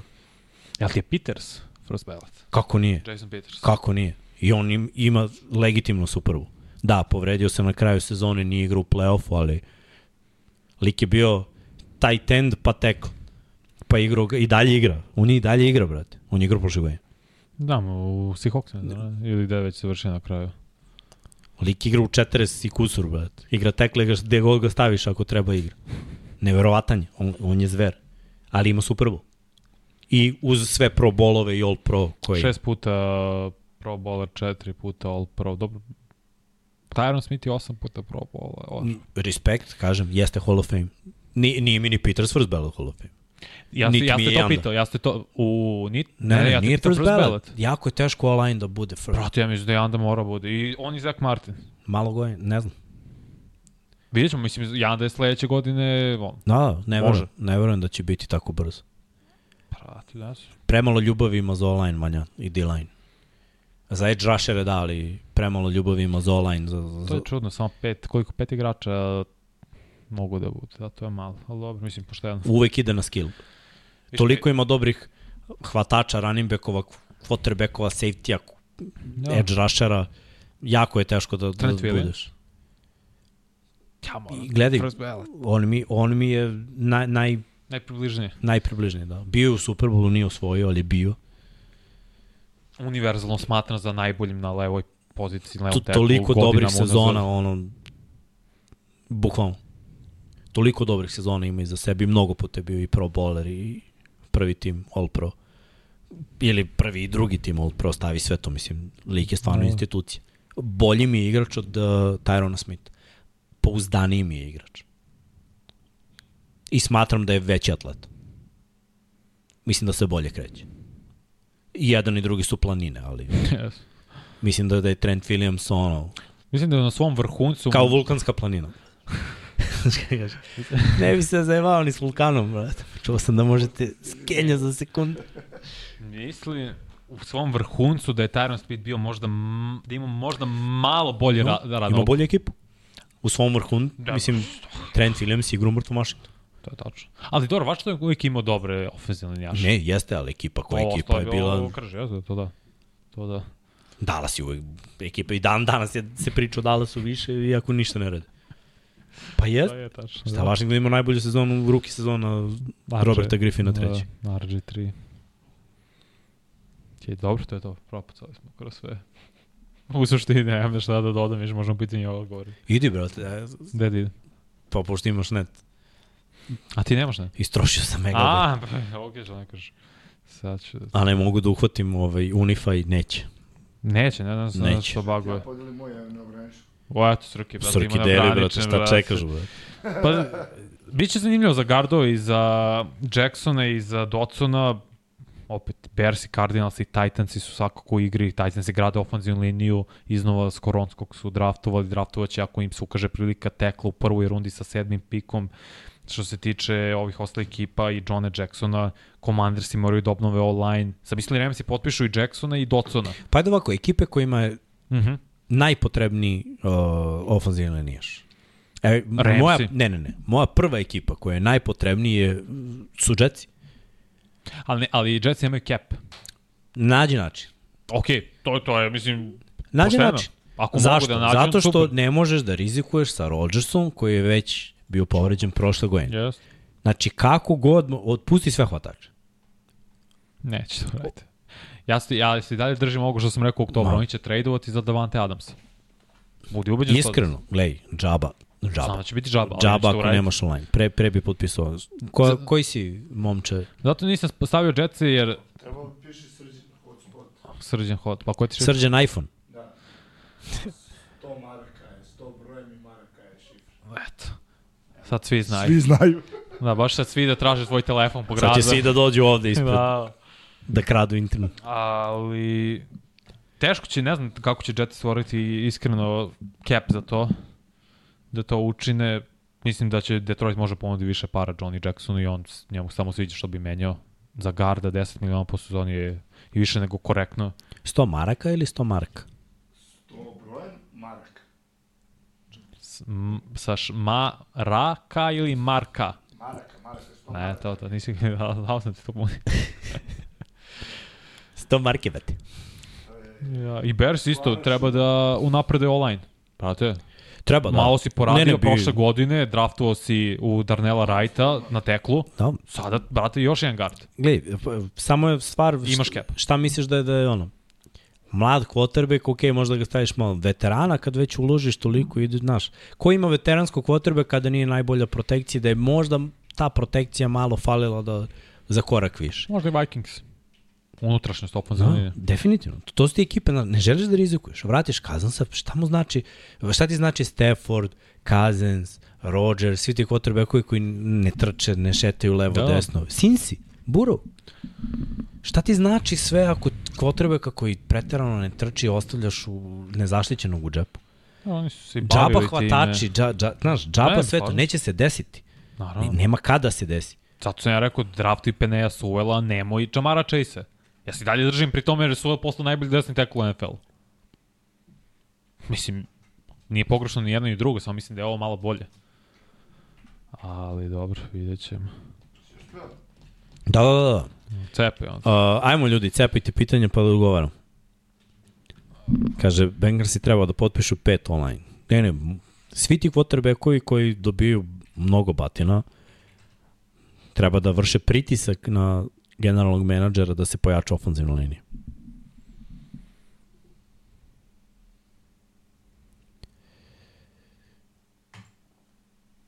Ali stvarno je glupo imati Aarona Rodgersa i nema ti ofenzivnu liniju, to nema smisla.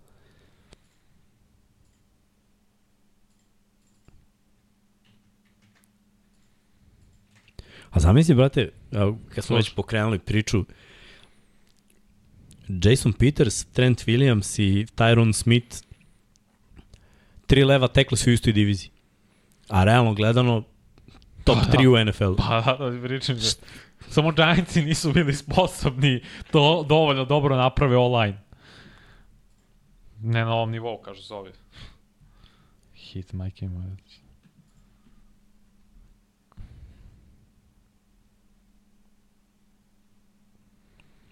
Da je, vidiš o tome što nisam razmišljao. Miksa Vanja, šta mislite i do Odell Beckham? E, pa da, od Odela nismo bacili ovu priču, jer je. Odell sada već u fazonu, pa prošle godine je dobio pare, došao u Baltimore, dobio je pare da bude trener coach. Iskren da budem, iskren da budem trener coach e, iz ličnog iskustva mnogo znači. Trener, Sećam se nama nama prva sezona Trener igra. trener igrač, A rekao Trener, si trener, trener coach. coach. Trener coach igrač. Pogreš čovjek. Koliko je sati? Je 12, ima 12, pada mi je 10 koncentracija. 12, brate. Pada mi je koncentracija ovo oko 12. Ovaj, nama kad je, sećam se, Jordan Green došao, on je ovaj, bio i quarterback i, i hvatač. Ali je trenirao sa, na, sa nama, s hvatačima. I taj napredak koji se vidio kod svih nas u toj prvoj godini, jedno je kad ti trener priča šta treba da uradiš, a drugo je kad vidiš od njega.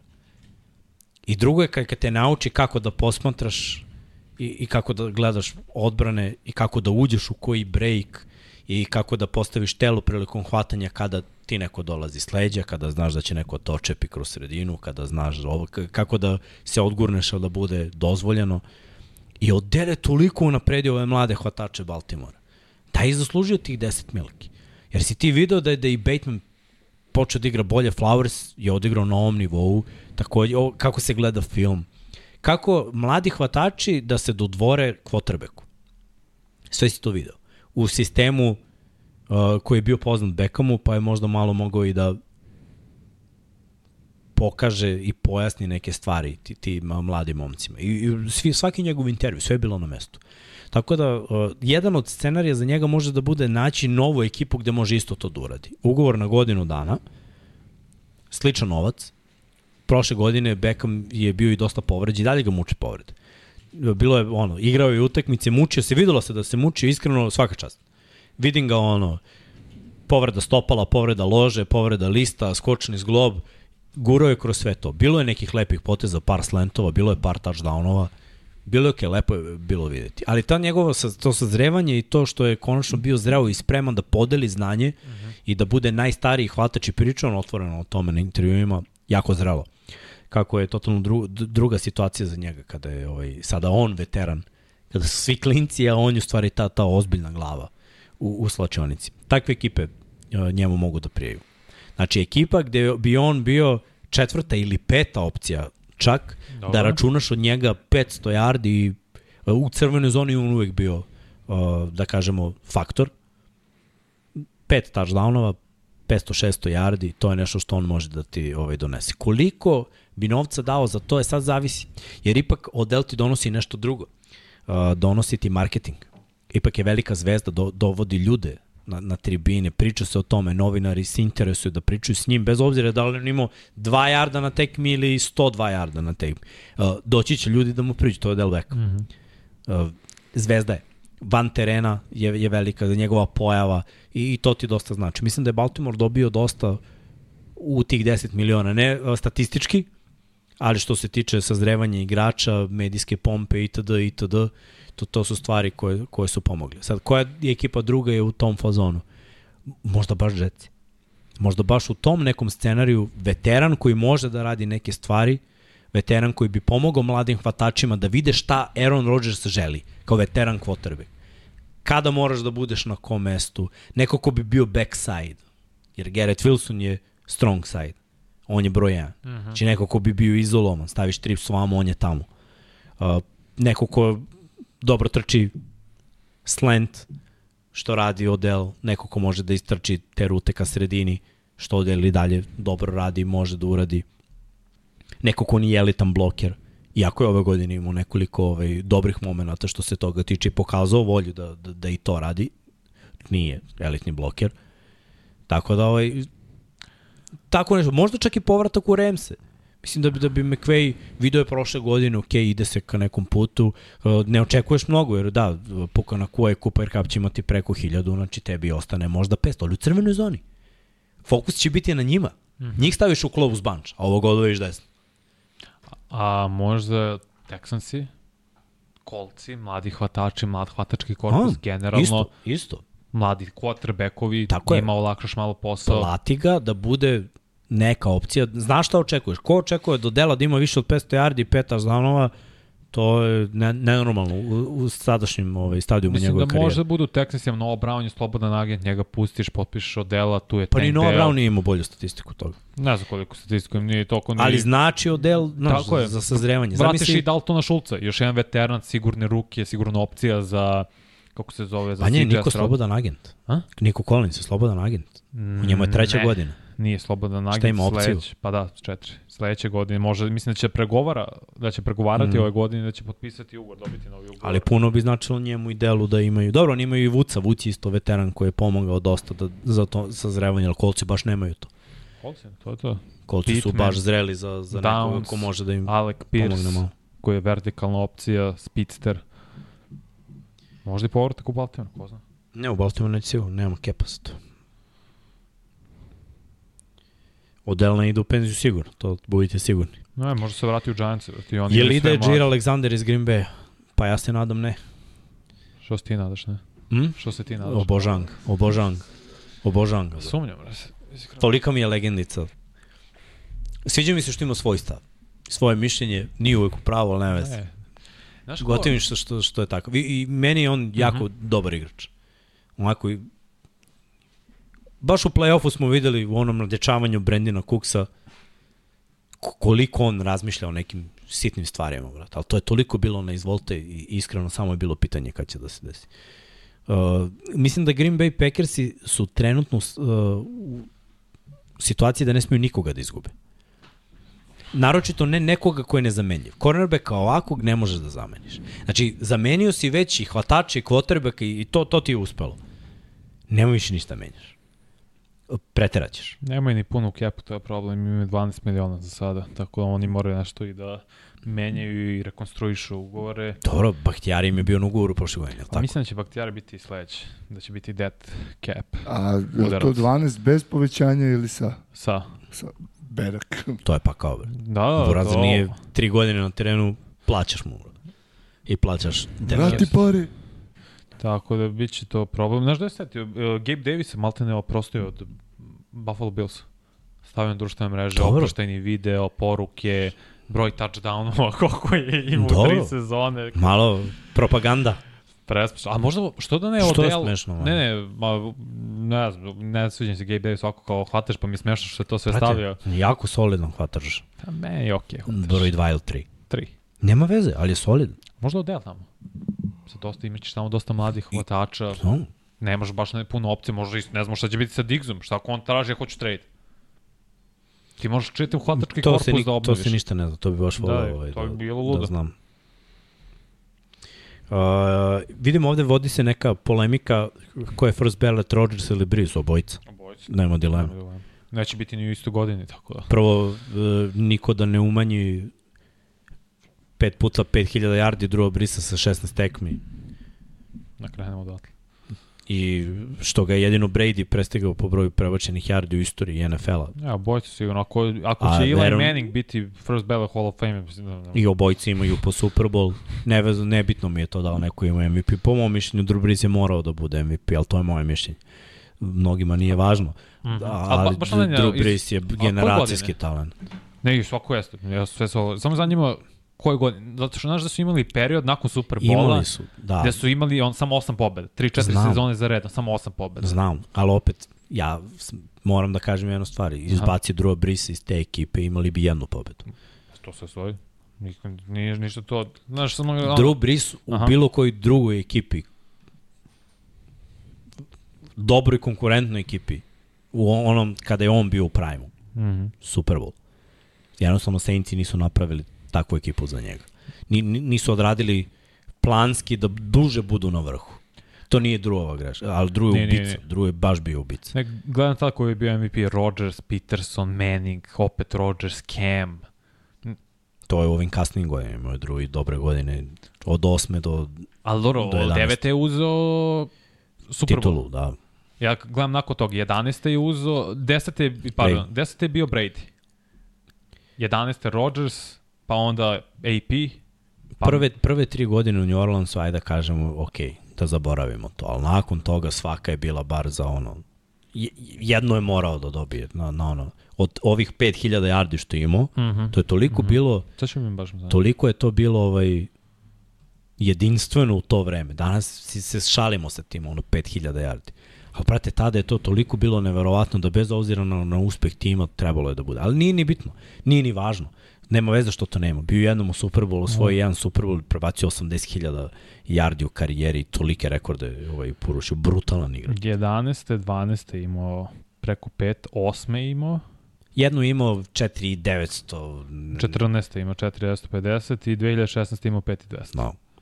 Ovo 4950, nemoj me shvatite pogrešno, ali ja ću uvek da zaokružim na 5. Znaš, da, znaš zašto nije imao, evo, te, te tri godine, 4900, 800, 5 i 200? Zato što je imao 7, 9, 7, 9, 7, Znam. 9. Banja naš koliko puta, ja sam, brate, gledao te utakmice, jedna je bila s Giantsima, sećam se da je bilo 40 nešto, 40 nešto. Upo, znam, znam, znam, znam, misliš, tačno koji meč. Gledam, brate, i ne verujem, ali to nije Brees, on je dao, izgubio je tekmo, dao je skoro 50 pojena. 2011. je ta bila godina, jer je tad imao skoro 5500 yardi, Bolesno. 46 touchdownova, 14 interception. A znaš zašto nije bio? Zato što je te godine Aaron Rodgers imao još bolju godinu. A. Koliko god to zvuči nerealno. Nije imao 5.500 yardi, to ću da ti da kažem. koliko je imao, mislim da isto ima nešto nerealno. Da, to je bilo baš dobra godina za quarterbackove. Ajde da odgovorim tamo da ti tražiš odgovor. kako će se Hurst naći sa novim centrom. Mislim da ako se oprosti Kelsey, Kelsey još nije rekao da se oprašta, tako da kako će se snaći, snaći će se, nije to velika promena za, za quarterbacka. Evo ti, Rodgers je te godine, njegov tim imao 15-1. On je imao 4600 yardi, 45 touchdownova, 6 interception. Brutalna sezona. Zato nije bio... Zato je MVP, tako je. Ovaj. Ali to je jedna od, mislim. Da, da, Znaš, to mu je bilo, to mu je bilo najbolje. Ja. jednu bi mu ono dao na respekt. Kapiram. Brate, isto ko s tim nešto je bio MVP. Ono, Nije to treba bude, ne, to nikad neće oprostiti NBA, tu propagandu, te Sve 2006. znam. Ali dešava se, znaš, previše puta i onda se ne desi jedno. Ali first ballot jedni i drugi. Ma ne, da. I Rodgers i, i Brice, nema, tu nema dileme. A, može li Seattle napraviti nešto sa novim stručnim a, stafom? Može, kako ne. Mislim da će biti dobro. Mislim da, da, da su bili zreli za, za promenu i ovaj to što je Pete Carroll odlučio da uzme neku drugu ulogu. Isto će puno da znači mlade ekipa i sad dolaze mladi mladi je glavni trener sa, sa druga, ono, pomoćnicima. Mislim da je Bobby Wagner, koliko godina ima Bobby Wagner? McDonald je 33, godinu, 34, McDonald ili taj, moje ili godinu mlađi od mene. Tu su, njih dvojica. Mislim da su oni, ne znam koje godište Bobby, ali zamisli da ti je ono jedan od igrača prošle godine kao head coach. Brok. Puno će to da znači mladim igračima jer oni ni- njima ništa ne znači čovjek u 70 kad im priča nešto on ima 20. drugačije se sve to gleda. Tri puta je Breeze bio drugi po MVP glasanju. No? 9. 11. 16. 18. Nije lako bilo ni igrati quarterbacka sa 1,83 u eri Toma Brady-a, Peytona Da. Manninga i I posle Aarona Rodgersa, Bena Roethlisbergera. Znaš onu priču da je za Manninga, sebe Riversa. pričao da je za sebe pričao da je imao ovaj najveće listove u ligi. Jer je morao non stop na prstima da igra da vidi iznad ofanzivne linije. Ali tad se vrednovalo pobede. Baš pob, timski uspeh pobede, mora si da imaš ono 13 pobeda, makar 12-13 da bi bio u konverzaciji. Mislim, imao je on, zato je bio drugi, ali ostali su bili bolji. Uglavnom Manning ili... Šta mislite, Aha. koga bi Lionsi mogli da poveruju defanzivaca u free agency imaju prostora u capu?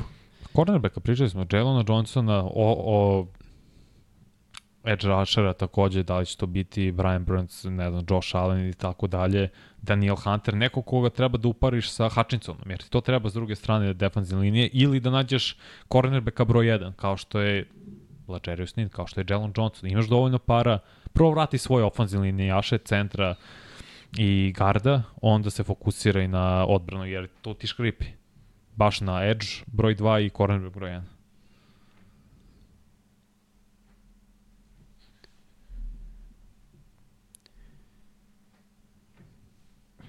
Jel ima NBA pitanje?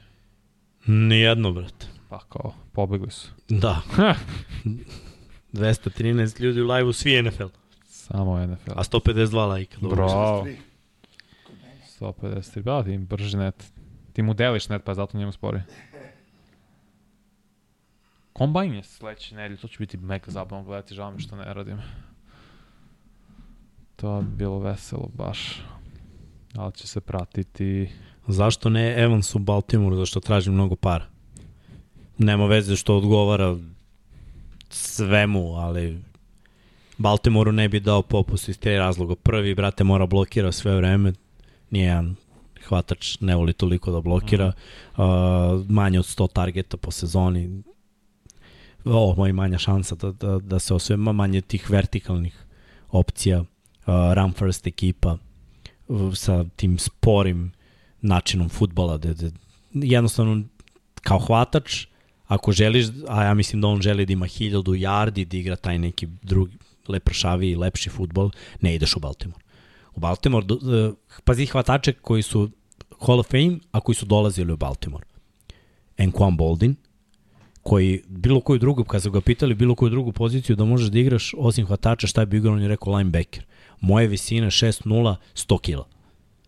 Burazer je ubio kroz sredinu, mislim šta je sve, ali on je bio totalno brutalan bloker, Steve Smith. Brutalan bloker. Opet kroz sredinu, fizikalno, stiff armovi, udarci. Mike Evans polja fade. Totalno drugačije nešto. Ne, jednostavno ne ide. Pritom, da bi on imao preko 1000 yardi, Lamar mora da ima preko 4000.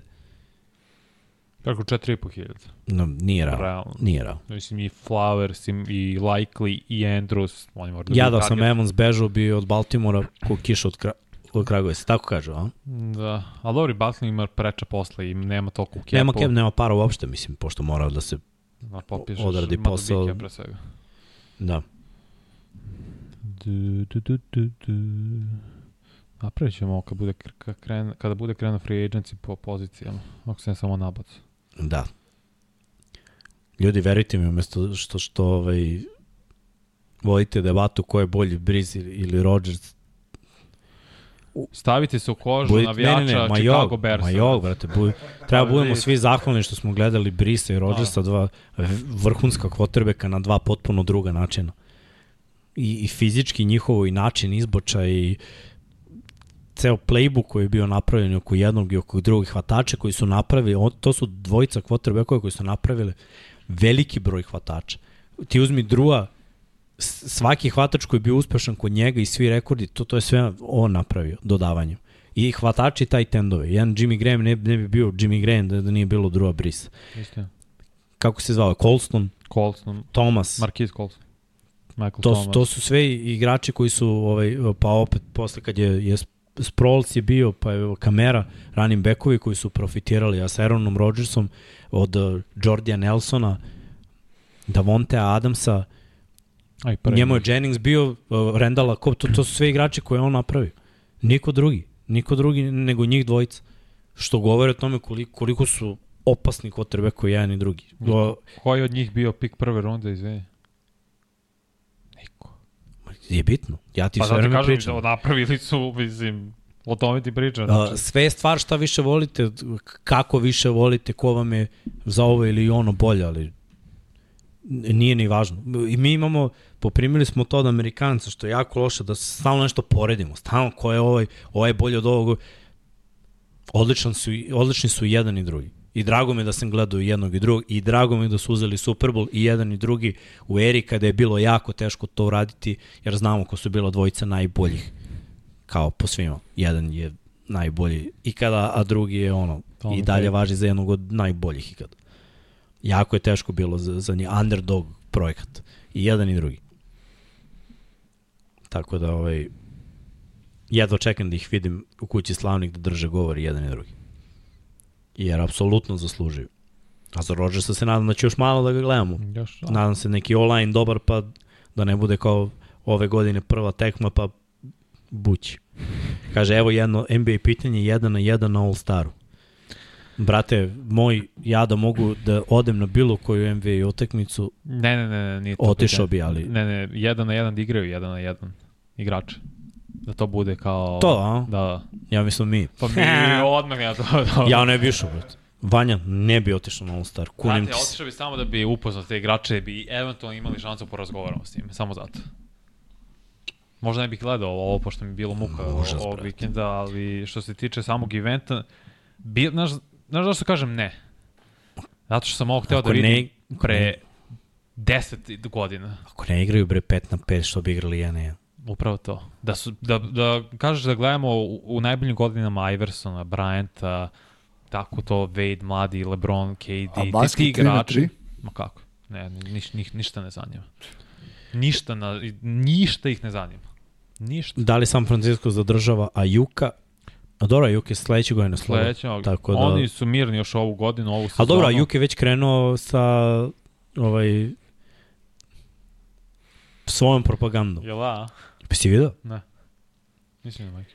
Pa, pošto su krenule neke kritike o tome da je Ajuk pravio separaciju, da Dibo nije nikada i da je Ajuk u stvari taj igrač i To sam sve. čuo, jeste. I on je valjda na nekoj svojoj društvenoj mreži bio u fazonu, ono, Yes. da. Ne samo da, nego onako, nadam se da će uzeti to u obzir. Da, da, da, sve to. To jeste, pa zato što je i to činjenica. Ali 49ers imaju 11 pikova na ovom NFL draftu. Brate, to je mnogo. Oni će sagraditi ponovo ekipu, Lynch bira sjajno, uopšte se ne brinem za njih. Izgubit će par defensivnih linijaša, Kinlo i ne mogu setim koji je još jedan, stalno zaboravljam. Ali nije toliko ni bitno, tako da će su mirni oni još godinu dana. A, jel znate da Madden za PC je uvek besplatan u predsezoni i nikada ne morate posle da ga platite? Ne, zato što Ne, ne, igram da. na kompu. Da. Postoji još Ma, brate, imam ga na CD-u pa ga, sam ga upalio nijednom. Koleč, futbal igrice se vraća. Ni nju neću upaliti nijednom. Bra, to će biti baš zanimljivo. Randy Gregory. Nema se vremena za igrice. To će biti dobro videti. Dynasty mode. Randy Gregory, Chase Young, Kinlo.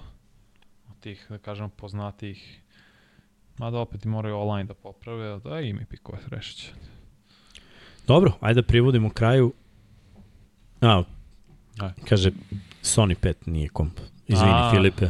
Da, Nije, nemam ni Sony 5, imam 4. Pa neko PC ili PS? Ili PC? PS. Ma, Ba, brate, viš da toliko sam gladan da ne znam ni da čitam. ej, ja sam Piše, gledao. pi... Lepo piše Sony, brate. Mogu bi, hoćeš me častiš? Ajde. Je, idemo, bre, da jedemo. Fenomenal. Šta li radi ovo vreme? Pončo. Pončo shall be, brate. Prema, Zovi. prema trgu šta hoćeš, ne znam u vašem E, pa pravcu. da, prvom trgu je to. A vidjet ćemo. Možeš pončo. Kad je meso, ja ne... E, Da, bukvalno. Jo, ništa, ljudi. Hvala vam što ste bili tu. U ovolikom broju imamo i lajkovi i sve. Procenti vrhunski, ovake procente, pazi. 215 ljudi, 161 lajk. Dum dum. Baš jako, sviđa mi se to, sviđa mi se to. Uh, drago mi je da, da, da smo ovo ispratili. Biće zanimljivije. Sad je ono malo zatiše pred buru. Kažem, mart je mesec kada se zahuktava dosta i kombajn prolazi i ti mladi igrači Grmać. sve više su dostupni, mogu da se vide, sve se više analizira i s obzirom na free agency, ko je popunio gde je rupu i šta mu fali i onda je nama zanimljiviji isto ako kad ima Mhm. brde igrača pa kad imamo šest pozicije pa kad ne zna šta će kada ekipe ispodpisuju ove najbolje slobodne agente to će biti zanimljivo ali to je tu blizu šta je dve nedelje bukvalno i onda ćemo imati tačnu sliku kako se ekipe prave svake godine je to zanimljivo svake godine imamo baš promene dosta dobrih igrača prelazi iz ekipe u ekipu i eto neke čudne stvari i lude stvari se dešavaju, pa ko je osim manje video Čeron Rodgers u Jets? Niko. I, I tako neke stvari koje su tu manje više svake godine. Tako da to, to nas baš raduje što se tiče NBA, mislim, bit će i to mnogo bolje u martu, sad već vidimo neke ekipe se zaleću, već se kristališe ta slika ko je gde, kako šta. Prošao je taj uh, trade uh, deadline, tako da eto, ekipe su sklopljene, deluje da je sve rešeno, pa biće, biće zanimljivo pratiti i to. Uh, sledećeg petka ćemo biti na okupu, tako da neće biti ovaj 1 na 1, nego nam se vraća i Jimmy, vidjet ćemo i, i za Srki, a Srki veliki nam je naravno tu. I ovaj, mi ćemo probati neki, to smo pričali, eto, da, da najavim da postoji neka opcija, bit će onaj trening kamp u Milanu gde dolaze NFL igrači, pa mi sad tu istražujemo da li oni hoće što pričaju s nama, ako hoće da, da usnimimo nešto, pa da možete eto i to da pogledate, da vidite ta iskustva kako je ovaj, kada ste na trening kampu sa NFL igračima. Srki je već to sve ispratio njigro za, za Milano, morske ljude, da ne kažem ovo drugo što mi je uvek bilo smešno. Šta je drugo? Simen. E, a, bilo, je, bilo je majice koje ja nisam O, ja. nosio, pošto kad dođeš tamo dobiješ kompletnu opremu od tima, dobiješ torbu sa svojim brojem, znači sve, sve dobiješ. I između ostalog bila je jedna majica gde je bila nacrtana podmornica i pisalo je long, hard and full of semen. Ja. rekao, ovo ne moram Kogod je da to nosim. pravio, znao je šta je radio. Da, Da, da, da, ovo rekao, ne moram da nosim. prejako. Ali iskreno, nadam se da, da eto, postoji neka opcija da, da, da se ode, da se vidi, pa eto, nama će Srećemo biti nešto, svakako, srećemo nama će biti Imamo ljudi. svakako zanimljivo. A ono što ostaje vama, čekirajte show, podržite ovo što ekipa radi, čekirajte podcaste i ljudi stvarno ako gledate, eto, da vas zamolim, ako pratite sadržaj, subscribe-ujte se, nemoj da vam bude teško, kažem, notifikacije nisu bitne i ne izbacujemo mi mnogo jedan podcast u, u svaki dan, šta od ponedjeljka do petka, vikendom ništa. Nije to ništa strašno, ne spamujemo, zapratite na društvenim mrežama, ali ti subscribe, subscribe-ovi puno znače jer možemo da napravimo bolje ugovore sa sponzorima koje, za koje se nadamo da će ih biti još, da se zahvalimo Pepsiju na saradnji eto još jedna godina NFL je iza nas, a zvanično nova počinje za dve nedelje. Tako da eto, odjavljujemo ovu polako, ali sigurno i od sledeće nedelje se družimo. Do tada veliki pozdrav. Srki, spremi Patreone, reklamu, špice, jedna, druga, tumbe, bumbe. A do tada, ljudi, budite mi dobri, vidimo sledeće nedelje. Ćao!